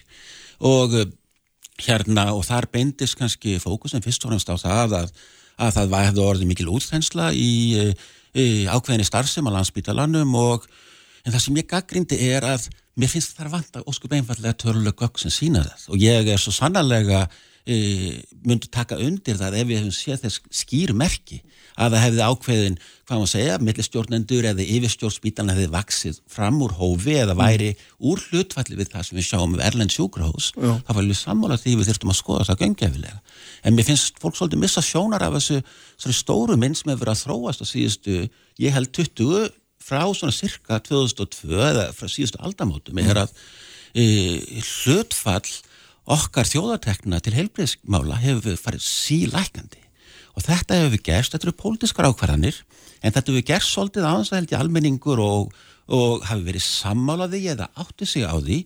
Og, og við erum komin í þessu stöðu núna að heilbreyðstarfsfólk er komið upp í vegg og það er farið að rífast hvort við annað innan stopnirunum um hv- hvaða geiri hefur, hvað hann segja, tekið á sig mesta niðurskurð. Og ég held að þetta hafa skapað mjög slæman anda á spítalanum þar sem við erum komið núna í þessar hörðudeilur innan stopninurinnar um það hverju við höfum að kenna um þegar að við erum að horfa á þróun sem er átt í staði við 20-25 ár þar sem við vorum með mest útgjöld sem hlutfalla verkri þjóðarframleyslu borið saman við Norðurlöndin yfir í það að vera umtalsvert lægst í Norðurlöndunum. Og þetta hefur gerst á, ég segja frá árinu 2003 og e, það eru engar aðra skýringar en það að það eru pólitískar ákvarðan um það að ætlum að leggja minni á heilbrigðismál. glemdu því ekki Ha? Hrun Já, hrun, 2008, já, en já, já. þetta byrjaði 2002 Já, ok, byrjaði já, já, 2002, allt þannig að, já. Mm. að hrunið kom inn og, og, og við erum líka þarna að horfa á hlutvallar verkri þjóðaframlýslu þannig þegar að hrunið kemur þá Já. hækkar það Já, og já, svo já. framvegis þannig að e, en þetta eru, eru rauntölur sem að eru sláandi mm. og e, þannig að e, mér finnst sko ég er alls ekki að tala um það að allt sé gallalaust á spítalanum en í stopnum og, og ég ætla ekki bara að tala um sko, landsbítan heldur í heilbriðskerfum í heilsinni sem við þurfum að taka á sig svona hlutfarslega mikið niðurskurð á 20 árum þá munum við lenda upp í vegg og þá munum við lenda í óanægju meðal starfsfólk óanægjum brýst út gagvart stjórnendum mm. uh, og gagvart jafnvel deilda innan helbriðskerfi eða milli kerfa, milli heilsugjæslu og spítal og framvegis e, og en ég held og ég tel að þessu sterk rauk sem, e, sem e, styðji það að þetta sé afleiðing af þessum markvisa niðurskurði í heilbriðsmálum á 20 árum. Mm -hmm. En þegar að, það er fullir það að sé hægt að reynsa út millilega stjórnundum, mm -hmm. þá tók ég eftir því að þú þú hvaði við Þér fannst það ekki vera sennilegt? Já, ég sko, ef við verum óþara millilög, mm. þá sko er sjálfsagt mál að reynsa út, en í, sko, í, svona í mínum huga svona almenni skinnsemi, ef við verum með litla peninga í kerfi, þá bendur ekki beintilega sér mikil sóun í því kerfi. Og ég tala nú ekki um þegar við horfum á átbútt kerfisins, þegar við horfum á svona þessar stóru tölur í heilbreyðismálum hvernig stöndum við okkur, við stöndum okkur bara bísna vel, Já. þannig ég er ekki að sjá þess merkja þessu mikil sóun í kerfinu en á sama tíma segi ég, ef við sjáum það að, að landsbítalinn búið saman við sambærileg sjúgráðs erlendis sé að, e, að ráða allt og mikið að sé með allt og stort millilega stjórnöndum, sjálfsagt að minga það mm. ég bara sé þess hvorki merki í tölunum hvað varðar, við berum bara saman mismunandi starfstjættir á landsbytjarnan saman við samanbyrða sjúkra og særlandis samkvæmt skíslu með kynli, þá sjáum við þess ekki merki. Nei. Þannig að það er þetta sem ég er að gaggrína, við erum að, við erum að uh, það er ákveðna stórar hagstærðir sem eru augljósar sem er fyllin í herbyggin sem við tölum aldrei, eða tölum lítið um mm. en við erum alltaf að tala um eitthvað þess að við höfum engin rauk fyrir og mér finnst sko eins og það Björn var að tala hérna um að það vorði svo miklu fleiri ráðningar í ég veit ekki hvað það þýðir sko, þú ráðir eitthvað, það getur óskum einfallega þýtt að það sé meira turnover eða það sé meiri já, já. hérna í viðkomandi starfstjætt, þannig að svona tala segjum mér óskum lítið mm. við þurfum að horfa á raunverulega samanbörbyggt á góðum gögnum og við höfum fullt af góðum gögnum en yfirvöld hafa aldrei bröðist við þeim McKinsey skíslan sem við vorum að ræða um í samandi við hvern nátt á fjármagna heilbreyðskerfið, annars vegar og svo McKinsey skíslan sem ég var svona í stuðningshóp og bakvið sem snýri að hvernig við horfum til framtíðar. E, að það hefur eiginlega engin umræða orðið um það á ríkisjórnarlevel og við kikjum á fimm ára á ríkisáallanir mm -hmm. frá fjármagnaráðnitinu þarna kemur nýtt plagg sem sýnir er ekkert að e, engin pólitik í því heldur ósköp einfallega bara við það að þjóðin er að breytast og við breytum því ekki, hún er að eldast. Já, já. Jákvæð, jákvæð breyting e, að þetta menn þýða aukinn kostnað, við erum með 95 til 105% e, e, hérna nýtingu á landsbytunum sem er langt umfram það sem tilst eðlilegt, við þurfum að leðrétta það, mm. þetta er allt bara óumdeildir hlutir, þeir eru settið fram í skýslu, síðan kemur 5 ára áætlun og það sé þess engin merk í 5 ára áætlun að þarna liggi til grundvallar að þarna sé mm. vönduskíslan segir það á nokkura pólitíkur þarf þetta að breytast á næstu fimm árum. Já, og það er bara ekki enginn sem að horfir á þetta. Nei. Nei, en það sem er alltaf kannski svona að því að maður er sko sem maður út í bæ, algjör bara áhuga maður og veit ekkit í raun og ég kann ég er eitthvað spegit bítala og allir ekki að halda því fram en það sem er alltaf flókið líka er það leið og, leið og þú setur fram þetta að mhm. horfum að McKinsey skýtlunum 2019 mm. og ég las hann á ektíman mm. þá kemur einhver annar, kollegiðinn og segir að ah, samanburinn, hann er ekki margtækur mm. og er sem að byrju hva, hvað á maður að halda, svo er einn daginn sagt, já við erum með besta helbriði starfsfólki heimi og þetta er besta helbriðskerfi heimi svo daginn eftir, nei, heru, það er allir út á gangum og það er allt lokað og hér er allt í volli og, og við erum svo þreytt og Já, sko þetta eru, sumt af þessu eru sko e, Kannski er þetta allt satt í einu, ég veit það ekki. Sumt af þessu er heilbrið umræða við meðum ekki sko, það, það er alltaf lagi fólk sem sammála, ósamála mm -hmm. og, uh, og mér finnst alltaf lagi við heilbriðstarfsfólk séum líka ósamála en uh, það er ákveðin svona stóra myndin sem ég er að gaggrína sér ekki til umræðu. Já. og það kemur mér ósköp einfallega ekki á óvart að það er svo mikil óanægja innan landsbítalans og við í heilbriðskerfinu nú er ég ekki starfandi lengur á landsbítalanum, starfaði það lengi er núna starfsmáður í Háskóli Íslands og hlutastarf í Íslenska erðagreiningu. E, það var ákveðin léttir fyrir mig e, svona ekki hvað starfs uh, uh, hérna vettvangin var það heldur, Nei. hvað svona umræðu var það að fara út á landsbytarnum að ég skinja þessa miklu óanægi og þetta er þreita þar sem stöðugt fólk er að berjast í bökkum og geta ekki kannski sinn sínum störfum eins og það vildi mhm. -huh. vegna fjárskors, vegna uh, mönnunarvanda uh, og munum, mönnunavandi er bara sama og fjárskortur. Við getum ráðið inn í kerfið ef það hefur nógan peninga. Mm -hmm. en mönnunavandin er að stórun hluta vegna þess að það er fjárskortur. Það er ekki að því að við mentum ekki nóg mikið helbriðstarfsfólki hjúkunarfræðingar þegar að vel árar í samfélaginu fara að vinna við önnur störf því miður, mm. ekki held ég að þau þeim leiðist hjúkunarstörf heldur vegna þessa króniska uh, fjármagnuna vandamála sem spítalinn er í ja, Stjórnmálumennum er segja við þú segir þetta, herðu byttu hérna, að sé nú tölunar á Hraðbergi við settum aukala 20 miljard í fyrra ja. 40 miljard þar áður bam bam bam bam bam og alltaf rétt að manna hendin og segja nei, þetta er ekki nóg, það vantar mér í pening þá er sagt, heyrðu, það er nú ekki bara skipleika starfseminu betur. Já, neð sko, hérna, sko... Við komumst ekkert með einn aldrei lengra en þetta. Alveg, en sko, við þurfum að horfa á það í samfélaginu hérna, við þurfum að horfa á þetta í þessu samengi. Já. Þegar laun hækki í samfélaginu, þegar að verða kröfur um það í samfélaginu að láluna fólk réttmætt eigi að fá herri laun, hvað þýðir það?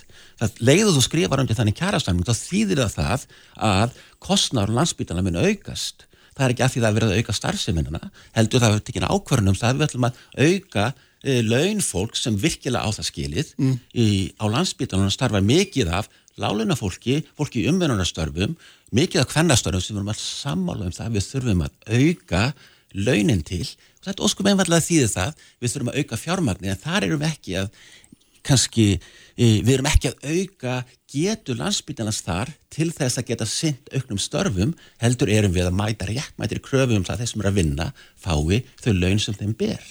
Og þetta er stórluta þeirri skýringu og aukningu helbriðskerfinu eru kærasamlingar annars mm, vegar. mm, mm. og sumt af því sem hefur farið helbriðskerfi sinns er önnur pólitísk ákvörðin sem ég er alveg sammála um að ríkið ætti kannski að taka meiri hlut af því sem að sjúklingar voru að borga áður.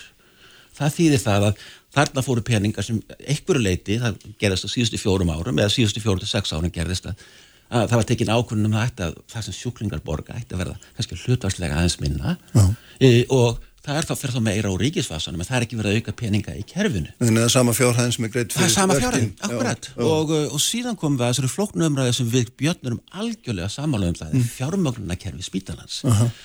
og þetta er hluta því sem skýrir akkur við höfum ekki nógu okkur tölur um innri starfsemina er að spítalin er búin að óska eftir því ára, ég er sannlega ára tögum eða marg, margra ára að fjármögnunarmódeli takir tillit til þeirra starfsemi sem er þar undirlikjandi í staðan fyrir að vera fjöst, fjárhæð í fjárlögum.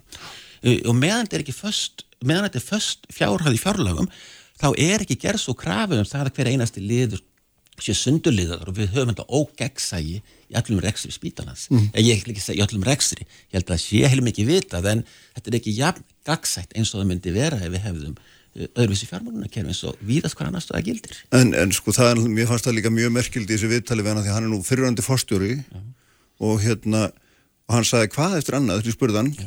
ég veit það ekki. Ég er ekki með tölur, ja. við vitum þetta ekki. -hmm. myna, ja, myna, þarna eru sko veist, sérfræðingar á öllum sviðum, ekki bara sviðum læknisfræðinar og hjúgrunar heldur líka rekstraðar og alls þessa. Vinnur þarna hundrið manna sem að maður ger ekkit annan að krönsa tölur allan daginn. En samt vitum við Við, já, við, ég held við vitum heil mikið og, já, sko, já, hlut, um það, sko, og sko hlut af því er að, að Björn Sók hefur verið búsættur ellendis og, mm. og, og sko hann er ekki starfandi í sko, heilbríðskerfi en ég er alveg sammálunum um það en það held að sé eðli kervisins þegar við höfum ekki e, fjármögnun sem byggist á e, hvað maður segja, hvað gert er í kerfinu mm. e, og e, leiður við höfum þannig fjármögnun þá mun e, kerfið vaksa eftir þeim þörfum sem samfélagið E, samfélagið krefst mm -hmm. þegar að fólk eldist og við þurfum meira heilbríðstjónustu þá mun svona kerfi óskum með að vaksa og við þurfum að vera tilbúin og það er hitt líka hinn hlutin á penningnum sem að mér finnst uh, sko hefur skort í umræðuna að það er, hefur í mörg ár verið almenningu spurður um það Uh, ertu tilbúin að hækka skatt og í hvað vilt að peningarnir fara mm -hmm. og það er alltaf yfirgnæfandi meirlötu fólk sem segir já ég er alveg tilbúin að hækka skatt ef maður fyrir heilbriðismál, heilbriðismál eru efst á bladi mm. en pólitíkinu er ekki vilja hlusta á það mm -hmm. þannig að almenningur vill það fólki sem starfar ekki heilbriðiskerfinu finnst eins og þessu undirfjármagnat það er allir sammála um það nema þeir sem að stýra skatt fyrir borgarana -hmm. og þarna finnst maður eitthvað sérkennileg og líðræðis halli í gangi þegar að fólkið vill það sem borgar skattana, vill meiri sem borgar meiri skatta fyrir þetta mm. kerfi mm -hmm. en þeir sem eru innan ég ætla bara að segja það hreint út fjármálar ráðunit sem segja nei, við ætlum ekki að hlusta á þessa eðlilegu kröfu að fólki fái það sem það vil góða mm. helbriðsjónast En ég, sko, ég, er það í raun og veru sjálfstætt og eðlilegt markmið að hækka útgjöld þegar maður veit ekki nákvæmlega fyrir hvað maður er að borga? Um, sko, ég... það, það er einhvern veginn svona ekki, ef maður er skatt greiðandi þá myndir maður segja, nei, býta aðeins rólur allt í lagi þið skulle setja x mikið í þetta en ég vil aðeins fá að vita hvað er það sem að ég fæ fyrir peningi. Ég er bara vittn í það sem skoðanakunnur segir, ef almenningur spurður þá segja hana þetta, en sko ef að fjármálar ánandi myndi segja ok, við erum tilbúin að setja meiri við viljum þá kerfisbreytingu við viljum þá borga fyrir það sem við fáum. Mm. en sama fjármálar ánandi við staði gegn því að koma þessu kerfi á að koma á DRG-kerfi e, og stjórnvöld spítalinn og, og ég held svona í helsin helbriðskerfi þú viljað hafa eðlilegri fjármagnun á mótil á þessu en það voru alltaf verið sko anstaða gegn því. Minn grunur er sá að það sé að því að þá munir það koma í ljós þar sem að uh, þessi, þessi augljósa tölur maður horfir yfir stórumyndina við vorum að verka þjóðaframlegslu, við vorum með um 10% verkið þjóðaframlegslu árið 2003 mm. meðan að Norðurlanda þjóðana voru millir 8 og 9% í, í flestum kerfum hefur hlutfalla verkið þjóðaframslu heilbreyðismála hefur hann vaksið í, og í, í, á Norðurlandunum er þetta í kringum 10% í dag, 10-12% liggur því bíli, við fórum niður í 7-8% þannig að það var umtalsveið mingun mm. í sko að verkið þjóðaframslu við fórum úr því að vera efst í það að vera neðst. Við erum ennþá neðst, það var aðeins breyst núna, ég ætla ekki að draga úr því að það var öllítið lagast. En, eh, en við erum samt langan veg frá því sem við vorum fyrir 20 árum síðan. Mm. og það er ekki skrítið að fólki sem starfar í þessu kerfi finni fyrir þessu. En ég held að fólki sem starfi í þessu kerfi e, og það er eðlilegt og að sko e, það er ekki endilega að hugsa um hagstærðir bara, það, það finnir fyrir, fyrir þessu á sínu e, eigin skinni í mm. vinnunni frá degi til dagst mm. En hvað með svona, því að það er eitt að eru, sko þegar mann er að tala um helblískerfi þá er náttúrulega þá er heilsan sjálf undir auðvitað og síðan er það þessi síðferðilegu spurning, uh -huh. spurningar um hversu langt á að ganga í hverju uh mhm. -huh. tilfelli og, og getum við alltaf gert allt sem við hugsanlega getum gert uh mhm. -huh. og svo framvegis en síðan er við líka með þessi rekstrashugtök mhm. afköst, framleiðinni allt þetta dót og þarna og það er bara, fer svolítið eftir í vikvæmt með að tala hvort að afköst íslensku helbriðiskerfi séu viðunandi eða hvort þau séu það ekki. Já, við, sko, það er, það er erfitt að mæla, en við tökum bara svona einfaldan hlut, sko, hversu marga erum við með sem er að vinna þessu kerfi, hversu marga læknir erum við með, hjókunarfræðinga og þessum grunnstörfum, þá erum við með hvað lækna var það sennilega heldur færri heldur en sko svona gengur að gerist en ekki, ekki of mikið mm. hvað hjókunarfræðinga var það erum við kannski að höfða heldur meira en þetta er viðkvæmt mál, en við erum sérlega með minna sjúkrarliðum, Já. þannig að svona í, þess, í, í sjúkrarliða og hjókunarfræðinga þá erum við ekki með mikið af starfsfólki og við erum að sinna heilbríðskerfum, við horfum á stóru hlutina, hvernig árangur varðar, hvernig gengur okkur í meðhandlu, krabba meina og svo fram með e, byrðar málstöði, lífslíkur og allar þessar stóru tölur koma vel út. E, en það sem við verum kannski að mæla í, í viðbröðan fólks frá degi til dags er held ég það sem við verðum að gera svo síðustu 20 árum. Við sjáum ekki afleiðingar af svelti herbyrðiskerfisins fyrir en tíu árum og seint. Þá fyrir við að sjá afleiðingarnar mm -hmm. það er svo mikil segla í kerfinu það er að segja, þegar þú breytir herbyrðistjónustu, þá leiðir það ekki til þess að ævilengt fólk stittist næsta degi, heldur gerist það á mörgum árum og áratugum. Þannig að eh, við erum að sjá núna því að hafa vel fjármagna heilbreyðskerfi til margra ára en síðustu 20 ár hefur óskup einfallega hefur orðið viðsnúningur. Þetta mun þá koma niður á okkur síðar akkur ég, þegar að þjóðin eldist og við þurfum sem mest á e, þess að halda. Það held ég. Og uh, hérna uh, sko við erum með sko við erum með fámennt samfélag. Við erum með ríkt samfélag það er að segja við erum með háar tekjur. Þetta leiði til þess að ef við tökum hérna allan annan rekstur og það var tala, Björn talaði mikið og fjálglega um mm. engarekstur hvað við ætlum að læra um engareksturinn en ef við horfum á engarekstur á Íslandi hvar sem við berum niður erum við sennilega hæst eða næst hæst í Evrópu. Hvort við þurfum að horfa á vexti hvað við þurfum að borga fyrir lánin okkar tryggingar, matar, innkaupum og allt saman ef við spyrjum viðkomandi rekstral af hverju það er, þá er það launakostan sem er hár og við erum með lítinn markað en þau rauk eru aldrei nótu þegar um ofinbæra rekstur er að ræða þá krefjast pólitíkur þess að ofinbæra reksturinn sé sambærilegur eða umtrásett læri en gildir í öðrum samfélagum og það eru aldrei nótuð þessi sömu rauk og rekstra sérfræðingarnir í engar reksturinu nota mm. þeir eru að skýra háan, háan kostnad í öllum öðrum geirum í íslensku samfélagi. Háskólar sem ég starfa lengi eru þeir ódýrist og hafa lengi verið, þeir ódýrist í Evrópu. E, og af hverju eigum við að menta háskólanefn á Íslandi fyrir miklu læra verð? Þeirra launakostnaður, þeirra sem kenna ætti að vera hærri heldin í Evrópu út af þess að við erum hærri hérna uh, tekjur á, á mann. Uh -huh. af hverju krefist þess að sé lægri kostnaður fyrir háskólamentar á Íslandi en við erum tilbúin að borga miklu meiri fyrir tryggingarnar, bankakerfið matarkörfun og allt saman því við búum í litlu samfélagi með, með hálaun mm. það er eitthvað það, það er eitthvað öfusnúð þarna og þarna er bara orðið þetta pólitísk e, svona ég held að hafa orðið þarna e, umræða sem við þurfum að snúa svolítið við mandranum það að það sé sóun í ofnbærakerfinu mm. mér sýnir sóun í íslensku samfélagi fyrst og næst vera í þessum kerfum þar sem við erum að borga enga fyrir þjónustuna Já. Þannig að þú sér að myndir þá lega líkum að því að, að einhver umfram kostnar í helbriðskerfinu með að við stærri þjóðfélag væri fullkomlega eðlugur hann, sko, ef við berum saman við bara eðlóskum með þetta, þú ert með háan launakostnað Já. og þú ert með lítinn markað eða lítið, Já, lítið samfélag, þjóð, við þurfum að vera með mikla sérfræðitónustól í litlum, litlu samfélagi, þá er eðlert að þeir tveir þættir munum leiða til þess að það sé til dærulega hátt borið saman við -hmm. í mhm. Evrópu mm -hmm. og uh, þannig að mér finnst eðlilegt að matarverð sé öllítið herra á Íslandi uh, en uh, hérna það er bara partur af því að búi í litlu samfélagi litlu og, og dýru samfélagi Já.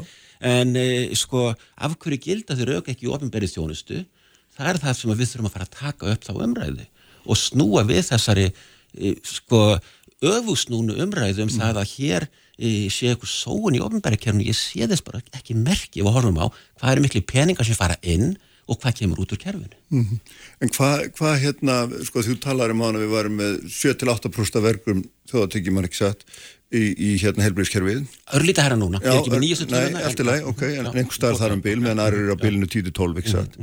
Hvað, hvað er viðunanda þínum að þetta? Hvað, hvað þurfum við að leggja mikið í þetta sko, til þess að, að við getum sagt, heyrðu, þetta bara mjög gott. Ég, ég held að við ættum til dæmis með samfélagins og, og Noreg mm. og, og þeir eru, ég man ekki, ég held sem með töluna hérna eitthvað staðar, mm. e, normenn eru eitthvað starf á bílinu sennilega um 11% Já.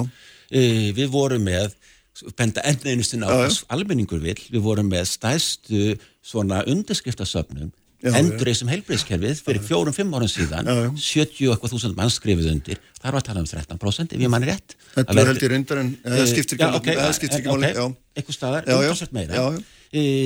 Sko þannig að ég ætla ekki að nefna töluna en ég held við um að vera stefnaði að vera með sambarlegt og okkar þeir sem hafa mestan metnað mm. í, í, í hérna í okkar sambarlegu löndum eins og Noregi, Danmörk og Svíþjóð mm og uh, þannig erum við ekki að tala um að við séum að sóa peningum í helbriðismál heldur við séum að fjárfesta í helsu á sambarlegan hátt við okkar það sem er okkur nákvæmlega þjóði gera Mm. En einn spurning bara hérna í lokin sko, þegar maður fjárfæst í helsu mm -hmm. akkur byrjum við ekki bara fyrr fjárfæstum í helsu meðan fólk er ennþá heilbrygt og reynum að koma í vekk fyrir að sé alltaf inn í, inn í hérna inn, á, inn í, inn í helbrygs hvað maður að kalla inn á spítölu með annar starf Sjálfsögðu eigum að gera það. Mm. en hérna þar e, þar eru komin í flóknaðum hvernig getum við bætt heilsuna og það ja. er, við getum ekki heila klukkutum í það. En, uh, sko, en við okkur við þurfum þessu samfélag að hlúa að veiku fólki við getum ekki sagt við veikt fólk neyður fyrirgjöfðis, þú ert veikur, nú ætlum við að hlúa að þeim sem er ekki ennþá orðin veikir Já. við verðum að hlúa veiku fólki í okkur samfélagi og uh, hver sem ástæðan er ég held að við séum ekki með verri heilsu ástæðan sé ekki svo við séum eitthvað verri heilsu og við séum með slæma líðhelsu en að því sögðu mm. er ég alveg sammálaði við þurfum að beita öllum þeim forvörnum og geta komið í veg fyrir heilsutjón til framtíðar mm. að halgjörlega sammála en grundvallar að við þurfum að, að hlúa veiku fólki og við þurfum að umbuna því fólki sem eru helgað þessu æfistarfi sínu að hlúa veiku fólki e, með mannsæmandi launum og með mannsæmandi vinnutíma. Annað sem hefur breyst á síðust árum til dæmis við lakna vorum tilbúinir að vinna langan vinnutíma. Mjög eðlilegt er í dag að uh, ungd fólk er ekki tilbúið að forna sínu lífi fyrir, fyrir sína vinnu eins og áður og þetta eru eðlilega breytingar í samfélaginu og það er þýða líka það að við þurfum þá að fá fleiri fólk já, já, inn í kerfið til að sinna því. Já, nákvæmlega. Herðu, hérna, þetta var frábært. Takk fyrir að koma Magnús og hérna, við höldum áframvonandi eitthvað tíman að hérna, fjalla um þetta. Bestu þakki, Ragnhildur Sveristóttir og Orri Páll Jóhansson er hérna hjá mér eftir ögnum lík. Frettir þjóðmál og pólitík. Sprengisandur á bylgjunni. Sprengisandur á bylgjunni. Sælilustundu góður, uh, þá er hann fannir frá mér Magnús Karl Magnússon, læknir, professor. Uh, uh, þau eru sestinsvegar hjá mér Ragnhildur Sveristóttir og Orri Páll Jóhansson. Sæl, blessu bæði, tvö og velkomin. Takk. Og það hafingi með daginn í gær og reyndar alla vikuna, það er löpum verðbólka í þetta eins og allt annað, eins og nú er þetta einn dagur en nú er þetta heil vika, það sem að þetta mikið gengur á hins einn dagar og þarna, og margt svona um að ræða í því samingi og, og hérna og svona sérstaklega finnst mér áhugavert þetta sem að þið hafi talað um uh, úr hópisamkynara og reyndar margir fleiri um eitthvað svona bakslag í mannréttinda frjálslindis, umbyrðalindis umræðu og þú skrifaði náttúrulega alveg frábæra grein um þetta hérna, þar sem þú talaður um sko að mannrétti ondi okkar er þunn skán sem þú vittnaðir, eða svo ég vittninu orðrétt í þig mm -hmm. og þarna þú ert nú eldri en tvæfötur eins og satt er. Mm -hmm. Er þetta tilfellið að þá? Já, við sjáum þetta ganga aftur og aftur sko ég, maður sér umræði dag sem er bara mjög lík því sem var fyrir 40 árum núna þegar að tala um transfólk mm -hmm. það kom upp allir sögum af fordómannir það eru bara endur nýttir sko og þetta er náttúrulega hættan ef við ekki e, vinnum stanslust á svona minna á tilveru okkar og tilveru rétt Já. að þetta komi bara alltaf upp aftur það, og það er auðvitað alltaf einhverju sem eru til í að, að vekja þessu umræðu upp og fara þar fyrir með einhverjum upprópunum og við leið og fólk byrjar á því þá telja aðrir sem að hafa kannski hugsað þetta nú, þetta má maður ekki segja lengur, mm -hmm. segja margir en við leið og fá einhverja fyrirmyndi sem að halda alls konar ruggli fram þá skrýður þetta fólk nú gætan undan steinunum sínum. Já, en þetta er alltaf alveg að á þessum 40 árum hafa alltaf líka orði gríðarlegar breytingar á svo mörgum sviðum að það er eða svona maður kaupir ekki alveg þetta sé raunveruleikin Nei, og sko það hefur líka verið alveg í umræðina því að þetta orð bakslega hefur komið ekki fyrir og alveg hreint ágætt að því ég held að við skiljum alveg hvað það þýðir. En sum vil ég jæfnvel segja afturför vegna mm. þess að þetta er, eins og Ragnhildur segir, viðbúið og í allri marginsindabaráttu þá þarf að viðhaldinni, það þarf að tryggja að minna stöðut á, það eru auðvitað óbúsleitt fagnarefnin, taðandum breytingar, sjá allan þennan fjölda sem að kemur til dæmis í miðbæri Reykjavíkur þegar hápunktur hins einn daga og ég segir nú alltaf til hamingisum með leiðis, þegar mjög góðskor okkur til hamingi með dagana, því að þetta er þetta er samfélagsverkefni. en það eru ímist teikn og við sjáum eins og Ragnhildur að segja með sko trans og sérstaklega yngra transfólk mjög alvarlega hluti að gerast í samfélaginu og að því ég segi samfélagsverkefni þá er lítur það að vera samfélagsleg ábyrð okkar allra að mhm. taka á því saman. Það er ekki bara verkefni þeirra sem til er að hins eginn samfélaginu, það er okkar allra að vinna gegn þessu markvist Við verðum að meta öll ekki bara hins eginn samfélagi hvernig samfélagi viljum við búi Viltu búi í samfélagi þar svo hún færð að lifa þínu lífi eins og þú vilt lifa þínu lífi svo framalega svo ekki að skada einhvern annan? Mm.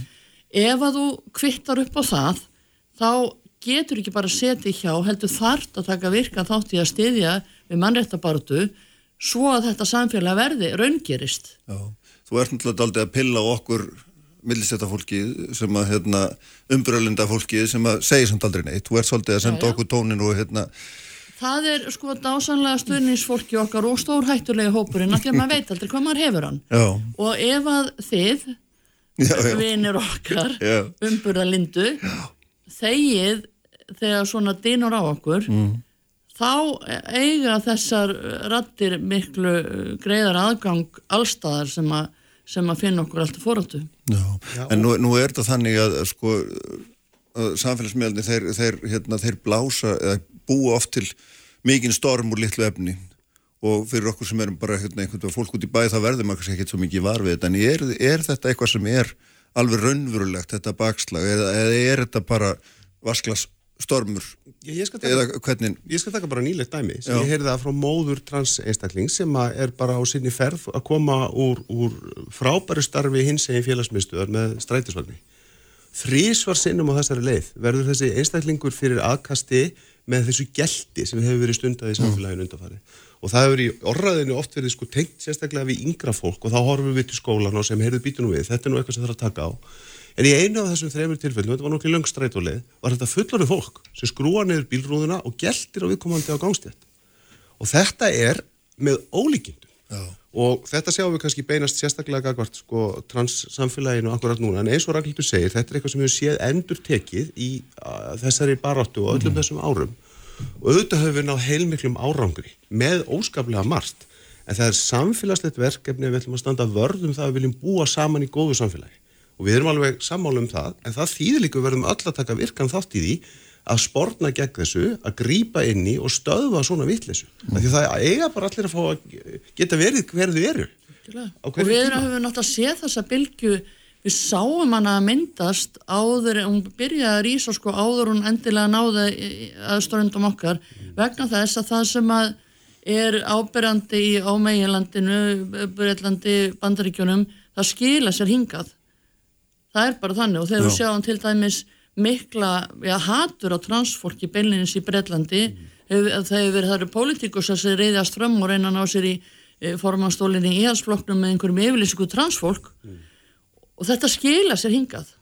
Já, já, sér þannig að við sáum þetta koma sko áður en það lendur á okkur. já, það var alveg fyrir sér algjörlega. Og þetta er, ég meina við, við erum stolt af því, þeim árangri sem við höfum náð. Og við höfum áfram að, að, að vinna að því en það skiptir líka rosalega miklu máli að halda varstöðinu og spyrna gegn allstaðar og þetta er, í grunninn er þetta jafnbreytisbaráta þeir eru upp í staðið. Ekki þannig. Það er, það er hérna, merkilegt, þú skulle nefna þetta og ég ætla einmitt að nefna hérna, taka dæmur í afbryttisbaratunum vegna þess að í, við erum alltaf með það í lögum til dæmis að, að allir er að fá sömu laun fyrir sömu vinnu mm.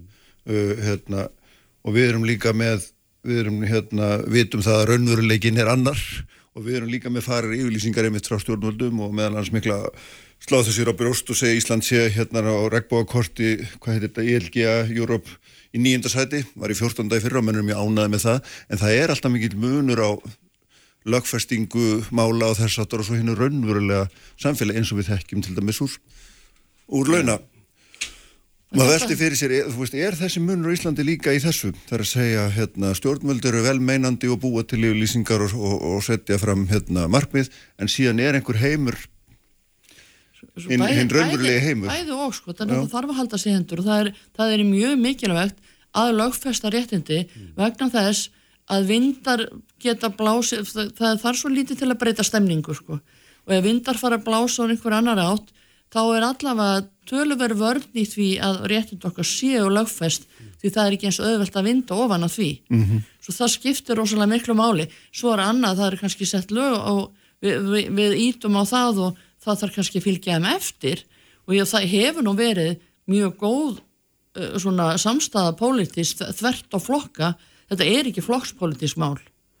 Það hefur eitt flokkur verið að reyna að dorga í drullupolli mm. þessum málum og orði lítið ágengt no. fyrir allra hemmingju Ég held að það sé alveg rétt. Þetta er, þetta er, það er svona fundamental samstæða sem ég leiði mér að, að mm -hmm. sletta en þetta sem þú bendir á og bara aftur það sem við sögum hér á þetta er jafnbryttisbaróta, þau eru uppi staði og aftur kem ég að því, það er samfélagslegt verkefni líka, þú ert vantarlega að vísa í meðal annars sko nýja rannsók sem var unnin, það sem er greinilegur sko tekjumunur. Já, já, já, er, já ég var bara ekki komin í það en allt til að heia, já. En það, það er alveg ótrúlega áhugavert að sjá það sko og, og fylgnina þarna á milli og, og mikilvæg þess þá líka að skrásetja og, og finna út úr upplýsingum og gögnum til þess að hægt sé að taka sko eitthvað skýra hvað veist, taka skýrt af skarið með það að taka mm. á þessu. En ég ítreka að þetta er jafnbreytsmál og það er samfélagslega verkefni, stjórnvöld auðvitað verða að standa sína plikt uh, og hafa verið að gera mjög góða hluti í því með allskins lagasetningu undanfarið, nýlega samþýtt við með öllum greitum atkvæðum og þingi uh, aðgera állin í málefnum hins eginn fólks sem mm. hann er til ásins 2025 Um, við erum auðvitað að vonast til þess og viðmið að því hún nefnir regnbóakortið sem er auðvitað eitt í viðmið það, það, það er ekki alveg saman hvernig maður les það heldur að vonast til þess að koma okkur erst á regnbóakortið En, en þetta er verkefni sem við verðum að standa saman. Og bara aftur á jákáðunótum vegna þess að það var stórkoslegt að sjá fjöldan í gær nýri, í miðbænum að taka þátt í þessu. Þannig að við veitum að stöðningsæðilatnir eru þarna, samfélagið er fullt af þeim. Og þeir þurfum... eru líka nær 100% á þingi, það er líka gott að vita það. Já, já. þannig að það er alveg hægt að koma aðgerðar áallin er eitthvað sem að þið takið marka á til dæmis Í málum við miðsegið fólk. Já, ég er ekki að spyrja þig sem er þingum. Já, ég meina það, þetta er, þú veist, þetta er áætlun þá eftir að hrinda heilmiklu framkvæmt en það er, það er pólitíð samstað um að gera það og það er alveg ástæðalust þegar það er svona 100% stöðningur fólks í öllum flokkum sem greita atkvæð með þessu að þú veist, það er alveg ástæða til að halda þessu verði hindi framkvæmt, hvers vegna þetta ekki að vera?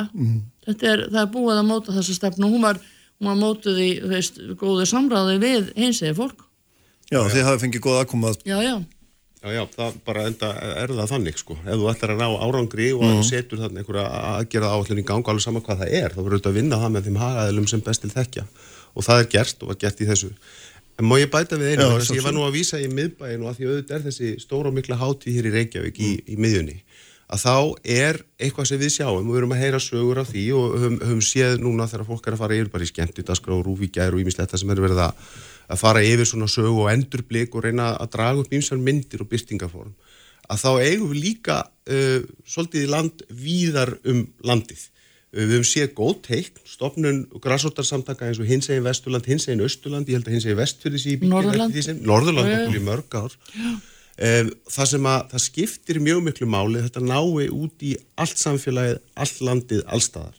Þó það hverfist í einhverju miðpunkti hér í Reykjavík Já, og einum degi á ári að þá er þetta 365. ásins mikilvægt verkefni. Já, nákvæmlega. Það, hérna, það var svo margt aðtilsvert í greinni sem það varst að skrifa og, og, hérna, og þetta svona bæði, já, aðtilsvert og sláandi náttúrulega og, og, og kannski sko eitt af því þessum að nefnir eftir, eftir öll þessi ár sem að þú hefur hérna, gengist við þinni kynneð að þá, þá segir þú samt sem aður að ég er ennþá ekki 100% örug nema, eða örug í sjálfri mér í raun og veru nema innan um samskonar fólk sem ég veist eitthvað með svona ég veit ekki, Ragnhildur, mér finnst það hálf sorglegt að heyra þetta. Ég, að, kannski er það, kannski bara sýnir það hvað hins einn, þú veist, það er líka góð frétt að ég skuli, mér skuli líða á svo vel, ég hópi annars hins einn fólks held ég, en þetta er kannski vegna þess að þú veist, það eru eh, alla þess að árið hefur maður sífælt verið, þú þarft alltaf að vera að útskýra þig, Já, það er alltaf ætlast til að þú sért uh, þú veist, á vinnustöðum þá er þú hinsegin manneskja sem að útskýra fyrir öllum hinnum hvernig það er nú að vera hinsegin. Og það er alltaf þetta eh, ekstra eitthvað sko sem að maður verður getur orðið algjörlega fullkomlega lúin á. En þetta er, það, það þarf enga slíkar útskýringar í hinsegin samfélagi. Þar bara ertu. Nei, nei, nákvæmlega. En hefur þetta samt, ég meina að því vorum að tala um 40 ára þróun, þetta hlýtur samt að vera Jú, auðvitað Er er, ég ekki? ekki á hverjum einasta degi einhverjum, þú veist, uh, að reka mig á hotn þú veist, nei, það er samt heimurinn alveg svakalega hetur og normatífu, bara horfið á, á alla sjómaðsauðlýsingar, alla bíómyndir allt, þú veist, maður er alla til. Nei, og það verður líjandi þó þarf ekki 40 árs til. Nei, nei, nákvæmlega. Ég las þessa grein Ragnhildar, var mjög inspirerað, gekk svo langt að kalla þetta littertúr, náðu mér í sko Litterátúr. koppi og fór með þetta hindi mér, í já. stettinu hér á sundarsmótni. Já. Ég ætla að taka eitt dæmi, ég meina ég er hamingsamlega giftur eiginmanni mínum, ég líður mjög vel í íslensku samfélagi og ég upplifið mig mjög örgan, skil og skinja og er alveg sammála því sem Ragnhildur segir, maður þarf mjög ofta að vera tilbúin að útskýra Mm. og þar sagði ég í uppáspunkti, ég sagði, heyrðu, ég hérna ætla nú ekkert að vera eitthvað að leiða þig hér eða sína einhverja áslitni eða eitthvað eins og bara pör gera, Já. að ég nenn ekki því að lenda í einhverjum mögulegum konfliktum. Mhm. Og ég sem sagt í tvær vikur valdi mig frá mögulegum konflikt, að því ég var að reyna að kvíla mig og var bara í einhverju afslöpun. Maður þarf alltaf að Þetta hugsa er svo skref. Já, Og svo kem ég heim og lesa þessa fínu grein og hugsaði, nei, þetta er einmitt ekki það sem maður á að gera. Ég á ekki að vera bara, ég verð að halda þessu áhraf. Við verðum að sína fram á það að þetta, þetta er partur af lífinu, þetta er partur af litrófunu.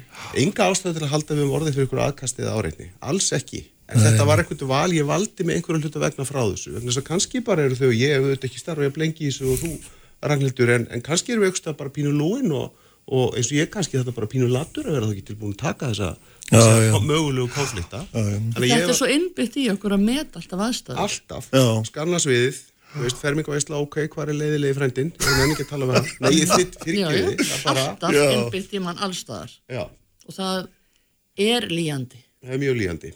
já Þetta er merkilegt Þetta er hérna stórmerkilegt að því að, líka því að það er svona auðvitað Ég man ekki held hérna, svo ég vitnur um samtalið sem ég átti við Felix Bersson fyrir einhverjum áratugum þar sem að verið að tala um fyrirmyndir í sjónvarpi, ég haf aldrei hugsað um þetta. Nei, eðlilega hefur þú aldrei hugsað um þetta. Ég haf aldrei hugsað um þetta. Ég, ég haf aldrei fattað þetta að þetta Nei. væri eitthvað sem skipti einhvern máli, sko, hvernig þetta kemur fram. En nú er nú eitthvað aðeins og töluvert er það ekki komið af Jú, jú, jú, jú. Bjóða, það, það er allavega auðvelt að finna þetta nú Sjá til, ég kom út sko fyrir daga í internetins það var ekkert spauk Já, þessu er aftur mikil Þú veist alltaf bara 20 staldar manniska Það er bara hannig Þess vegna er líka mikilvægi samtaka græsvöldarsamtaka vítt og breytt um landi þess að fólk tekur sér saman. Að því að þá ertu líka búið til vettvang ákveðina fyrirmynda mm. og samstöðu og getur þeirra minni samfélaga að því að þetta við þekkjum mjög margar svona sögur af félögum okkar sem að hér á eina tíð fór samkynniðir sko, eða hins eginn fólk og þá ná bara að tala um samkynniðir á þeim tíma en hins eginn fólk bara í stríðuströmmum til útlanda já, já. að því að það átti sér einhvern veginn ekki var eða skjól. Og svo sáum við sömu þróun fyrir ekkert svo löngu síðan og kannski einhvern veit ennþá og úr minnistöðum utan að landi til Reykjavík þess að það er meira skjól. Ég held að það sé ennþá tölvört en það. Já, akkurat og þá bara aftur ítrekka ég þetta mikilvægi þess að þetta sé út um all land sko. Já, það er eitt hérna sem að bara rétt í lokin, ég veit að það er skaman að lítil tími í það, en það er annar staður í þessar grein sem ég fannst líka mjög svona skerandi og það var, það var þessi lýsing þín á samfélaginu þarna á miðjum nýjendartögnum mm -hmm. þegar að, að HIV-smittin voru að gera verulega vart við sig og, og fólk var að deyja náttúrulega allt í kringum ykkur mm -hmm. og þarna mjög sorglega saga því þegar maður er borin inn í hjólastól og skemmtstað mm -hmm. til þess að einhvern veginn að draga síðast andan þar einhvern veginn eða hvað, svona nánast allavega þetta var, hérna, aftur maður hefur ekki hort á þetta frá Nei, þessum skringilega sjónarhóli sko. og þetta er faktist uh, og þú talar um bara áfalla streyt út af þessu í raun og verum ég er ekki til að þú að það væri greint hann og ég kunni nú ekki alveg heitin á þeim þeir eru plá allri, en sko ég held að ef að uh, stór hópur úr kynslu og ungra manna myndi veikjast núna mm. af einhverjum sjúkdómi að þá væri það ekki bara þagaði hér sko. En þetta við höfum ekki gert þetta upp. Þannig hún Rafnildur Gunnar skerði það reyndar í, í mjög fallega þætti af svona fólk sem er náttúrulega að finna inn á sarpinu núna í Rúf, ásaki ég nefnum það í þessu húsi. Já, en þetta hefur ekki verið gert upp hvernig þessi drengir dói kyrþegi eða var logið til um dánarósök þeirra og allt þetta. Þetta voru svo margir af söma kynslu sem að hörfu og þetta, þess, það er lungu tímabært að við gerum það almennilega. Og þarna var svo sem ekkit við heilbyrði séu völd að sagast að mér skilst að þarna hafa nú smitt sjúkdómanleiknir á þeim tíma verið algjörlega til fyrirmyndar í mjög nánu samstarfi samtökin og gerði allt sko sásnæsti punktur við þegar óbebera var mjög góður. Mm. en það voru fjölskytjuna sem voru náttúrulega ennþá læsta svo inn í fordómum og það er grófu bara sína drengi kýrþeg Þetta er, hérna, já, þetta er, þetta er mikil saga sem hefur mitt nákvæmlega lítið eins og hún, hérna, gagd tók alla á sínum tíma, þá hefur hún eitthvað einn horfið Já. eða svona minnst einhverju, einhverju leiti. Hún lifir með þessu samfélagi mjög stert. Já, ég trúi því, ég trúi því, ég trúi því. Herðu við veljum að láta þessu lokið þessunni. Ég verða að hérna, þakka niður í ykkur. Þar kom að. Þar kom að en bestu þakki fyrir að koma bæðið til frábært fákur og hérna verðum að láta Sprengisendurinn loki í dag, ég var Davíð Haldursson stýrið í útsendingu, allt efnir á vísi.is og bilgjum.is og bilgjum appinu og svo þetta hvarveitnaða sem þið finnir hlaðvar, svo verðum við með ykkur aftur eftir viku, verið sæl.